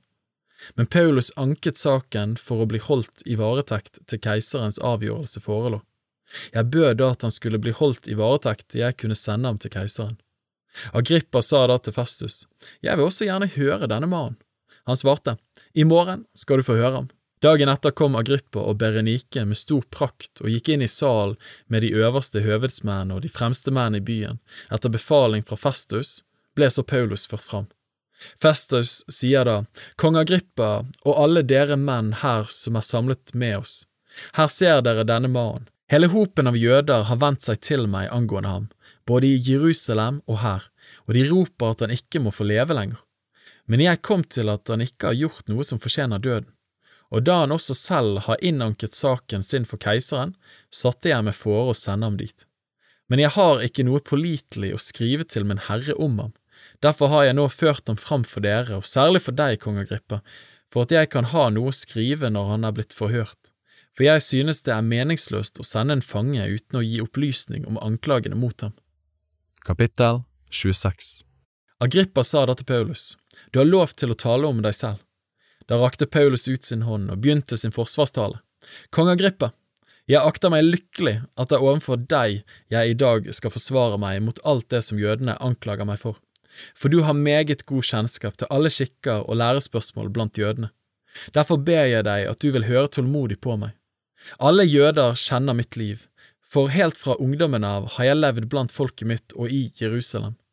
De kjenner til fra før, om de bare vil komme fram med sitt vitnesbyrd, at jeg fra begynnelsen av har levd som fariseer, det strengeste partiet av vår gudsdyrkelse. Og nå står jeg her og skal dømmes fordi jeg setter mitt håp til det løftet som Gud har gitt til fedrene, det som vårt tolvstammefolk under uopphørlig gudstjeneste natt og dag håper å vinne fram til. For dette håpet, konge, blir jeg anklaget, og det av jøder. Hvorfor bedømmes det som utrolig hos dere at Gud reiser opp døde? Jeg for min del mente at det var min plikt å kjempe mot Jesu, nasareerens navn. Det gjorde jeg da også i Jerusalem. Jeg fikk fullmakt fra yppersteprestene og kastet mange av de hellige i fengsel, og når de ble dødsdømt, ga jeg min stemme for det. Omkring i alle synagogene tvang jeg dem ofte ved pinsler til å spotte og jeg raste slik imot dem at jeg forfulgte dem like til byer i utlandet. Under dette dro jeg også til Damaskus med fullmakt og oppdrag fra yppersteprestene. Men midt på dagen så jeg på veien, konge, et lys fra himmel, klarere enn sol, stråle om meg og om dem som reiste sammen med meg. Vi falt alle til jorden, og jeg hørte en røst si til meg på hebraisk, Saul, Saul, hvorfor forfølger du meg? Det blir hardt for deg å stampe mot brodden. Jeg sa da, Hvem er du, Herre? Og Herren sa, Jeg er Jesus, han som du forfølger. Men reis deg opp og stå på dine føtter. For derfor viste jeg meg for deg, for å utvelge deg til tjener og vitne, både om det du har sett og om det jeg vil vise deg. Jeg frir deg ut fra ditt folk og fra hedningene, som jeg sender deg til, for at du skal åpne deres øyne, så de kan vende seg fra mørke til lys og fra Satans makt til Gud, for at de kan få syndenes forlatelse og arvedel blant dem som er hellighet ved troen på meg. Derfor, kong Agrippa, ble jeg ikke ulydig mot det himmelske synet men både for dem i Damaskus først og Jerusalem og i hele Judeas land, og for hedningene forsynte jeg at de skulle fatte et annet sinn og omvende seg til Gud og gjøre gjerninger som er omvendelsen verdige. På grunn av disse tingene grep noen jøder meg i tempelet og prøvde å slå meg i hjel. Så har jeg da fått hjelp av Gud og står til denne dag og vitner både for liten og stor, og jeg sier ikke noe annet enn det profeten og Moses har sagt skulle skje at Messias skulle lide, og at han som den første av de dødes oppstandelse skulle forkynne lys for folket og for hedningene. Men da han sa dette i sin forsvarstale, sa Festus med høy røst, Du er fra forstanden, Paulus, din store lærdom driver deg til vanvidd. Men han sier, Jeg er ikke fra forstanden, mektige Festus, men jeg taler sanne og sindige ord. Kongen kjenner til disse tingene, og til ham taler jeg også frimodig for jeg kan ikke tro at noe av dette er ukjent for ham, det er jo ikke skjedd i en avkrok. Kong Agrippa, tror du profetene? Jeg vet at du tror. Men kong Agrippa sa til Paulus, det mangler lite på at du overtaler meg til å bli en kristen. Paulus sa da, jeg ville ønske til Gud, enten det mangler lite eller mye, at ikke bare du, men også alle som hører meg i dag, måtte bli slik som jeg, med unntak av disse lenkene. Da sto kongen opp, og landshøvdingen og Berenike og de som satt der sammen med dem. De trakk seg tilbake og talte med hverandre og sa, Denne mannen gjør ikke noe som fortjener død eller lenker. Og Agrippa sa til Festus, Denne mannen kunne ha vært løslatt om han ikke hadde innanket saken sin for keiseren. Kapittel 27 Da det var avgjort at vi skulle seile av sted til Italia, overga de både Paulus og noen andre fanger til en høvedsmann som het Julius. Han tilhørte den keiserlige hæravdelingen. Vi gikk om bord i et skip fra Adramyttium som skulle seile til havnene langs Asialandet. Så dro vi av sted. Sammen med oss var Aristarkus, en makedonier fra Tessalonika. Den andre dagen kom vi inn til Sidon. Julius, som behandlet Paulus med vennlighet, ga ham lov til å gå til venner og nyte godt av deres omsorg. Derfra dro vi videre og seilte i le av Kypros, fordi veden var imot. Etter at vi hadde seilt over havet utenfor Kilikia og Pamfylia, kom vi til Myra i Lykia. Der fant høvedsmannen et skip fra Alexandria som skulle til Italia, og han førte oss om bord i det. I mange dager gikk det nå tregt med seilingen. Vi vant med nød og neppe fram imot Knidos. Der vi ikke kunne komme videre på grunn av veden, seilte vi i le av Kreta rundt Kapp Salmone. Det var så vidt vi kom oss forbi der, men omsider nådde vi et sted som heter Godhavn, like ved byen Lasea. Det var gått lang tid, og det var blitt farlig å ferdes på sjøen fordi det allerede var over fasten. Paulus advarte dem derfor og sa, Men jeg ser at denne sjøreisen vil medføre skade og stort tap, ikke bare på last og skip, men også for livet vårt. Men høvedsmannen satte mer lit til styrmannen og skipperen enn til det som Paulus sa. Og da havn ikke egnet seg godt for vinteropplag, ble de fleste enige om at de skulle seile videre derfra. En ville prøve om en kunne nå fram og ta vinterhavn i Føniks, en annen havn på Kreta, som vender mot sørvest og nordvest. Da det nå begynte å blåse en svak sønnavind, tenkte de at de kunne gjennomføre det de hadde satt seg fore. De lettet anker og seilte langs Kreta, nær land. Men ganske snart kom det en sterk virvelvind som de kaller eurakylon, og kastet seg ned fra øya. Skipet ble feid av sted og kunne ikke holdes oppe mot veden. Vi ga da opp og lot oss drive. Da vi kom i le av en liten øy som hette Klauda, var det bare så vidt vi fikk berget livbåten. Da de hadde fått den om bord, grep de til nødhjelp og surret tau om skipet. De var nå redde for å drive ned på syrten, og slapp ut drivankeret og drev av sted. Vi ble nå kastet omkring av stormen, og den følgende dagen begynte de å kaste lasten over bord. Den tredje dagen kastet vi med egne hender skipsutstyr i sjøen. Da verken sol eller stjerner viste seg på flere dager, og det veldige uværet fortsatte, var det fra nå av forbi med alt håp om redning. Nå hadde de ikke fått mat i seg på lenge, og Paulus sto fram iblant dem og sa, Menn, dere burde ha hørt på meg og ikke seilt ut fra Kreta, så hadde dere spart dere for denne skaden og dette tapet. Men nå ber jeg dere være ved godt mot, for ikke en sjel iblant dere skal gå tapt, men bare skipet. For i natt sto det for meg en engel fra den Gud som jeg tilhører og som jeg tjener, og sa, Frykt ikke, Paulus, du må stå fram for keiseren. Og se, Gud har gitt deg alle dem som seiler med deg, som gave. Vær derfor ved godt mot, menn, for jeg stoler på Gud at det skal gå slik som det er sagt meg, men vi skal strande på en eller annen øy. Da den fjortende natten var kommet og vi drev omkring i Adriaterhavet, skjønte sjøfolkene midt på natten at det bar mot land. Da de loddet, fant de tjue favner, men da det kom et lite stykke lenger og loddet igjen, fant de femten favner. Da de fryktet for at de kanskje kunne støte på skjær, kastet de fire anker ut fra akterstavnen og ønsket bare at det måtte bli dag men sjøfolkene ville prøve å rømme bort fra skipet. De firte livbåten ned på sjøen under det påskudd at de ville legge anker ut fra forstavnen. Da sa Paulus til høvedsmannen og soldatene, dersom ikke disse blir om bord i skipet, kan dere ikke bli reddet. Da kappet soldatene tauene på livbåten og lot den drive bort. Da det led mot dag, oppfordret Paulus alle til å spise, og han sa, I dag er det den fjortende dagen dere har gått i spenning uten mat, uten å ta noe til dere, derfor ber jeg dere å ta føde til dere, for det hører med til deres frelse. For det skal ikke falle et hår av hodet på noen iblant dere. Da han hadde sagt dette, tok han et brød, takket Gud for alles øyne og brøt det og begynte å spise. Da fikk de alle nytt mot, og de tok selv føde til seg. Vi var i alt 276 sjeler på skipet. Da de var blitt mette, lettet de skipet ved å kaste matvarene på sjøen. Da det ble dag, kjente de ikke landet, men de ble var en vik med en sandstrand. Der bestemte de seg for å sette skipet på land om det var mulig. De kappet av ankrene og lot dem gå i sjøen. De løste også de tauene som de hadde surret rorene med, så heiste de forseilet for veden og styrte mot stranden, men de drev inn mot en grunne som hadde dypt vann på begge sider. Her støtte de på med skipet. Forskipet satte seg fast og sto urørlig, men akterskipet ble etter hvert slått i stykker av de kraftige brenningene.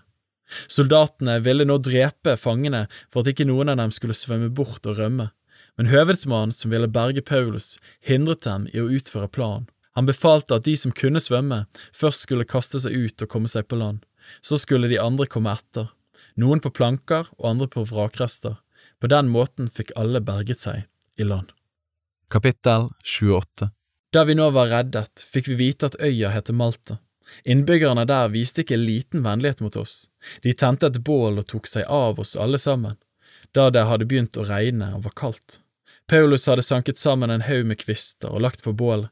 Da krøp det en orm ut på grunn av heten og bet seg fast i hånden hans. Da innbyggerne så dyret henge ned fra hånden sa de til hverandre, denne mannen er sikkert en morder, siden rettferdigheten ikke lar ham leve ennå han er reddet fra havet. Men han ristet dyret av seg inn i ilden uten å ha noe men av det. De ventet da at han skulle hovne opp eller falle død om med det samme. Da de hadde ventet lenge og så at det ikke skjedde noe usedvanlig med ham, kom de på andre tanker og sa at han var en gud. I nærheten av dette stedet lå det en gård som tilhørte en mann som het Publius, og var den fremste mannen på øya. Han tok imot oss og viste oss vennlighet og gjestfrihet i tre dager. Nettopp da lå far til Publius meget syk av feber og dysenteri. Paulus gikk da inn til ham og ba og la hendene på ham og helbredet ham. Da dette var skjedd, kom også andre der på øya som var syke og ble helbredet. De viste oss også stor ære, og da vi skulle dra derfra, førte de om bord i skipet det vi kunne ha bruk for. Etter tre måneder seilte vi videre med et skip som hadde ligget i vinteropplag ved øya. Det var fra Alexandria og hadde tvillingene som skipsmerke. Senere anløp vi Syrakus og ble der i tre dager. Derfor reiste vi langs kysten til vi kom til Regium. Dagen etter ble det sønnavind, så vi kom til Puteoli etter to dagers seilas. Her fant vi brødre. De ba oss å bli sju dager hos dem, og så fortsatte vi til Roma.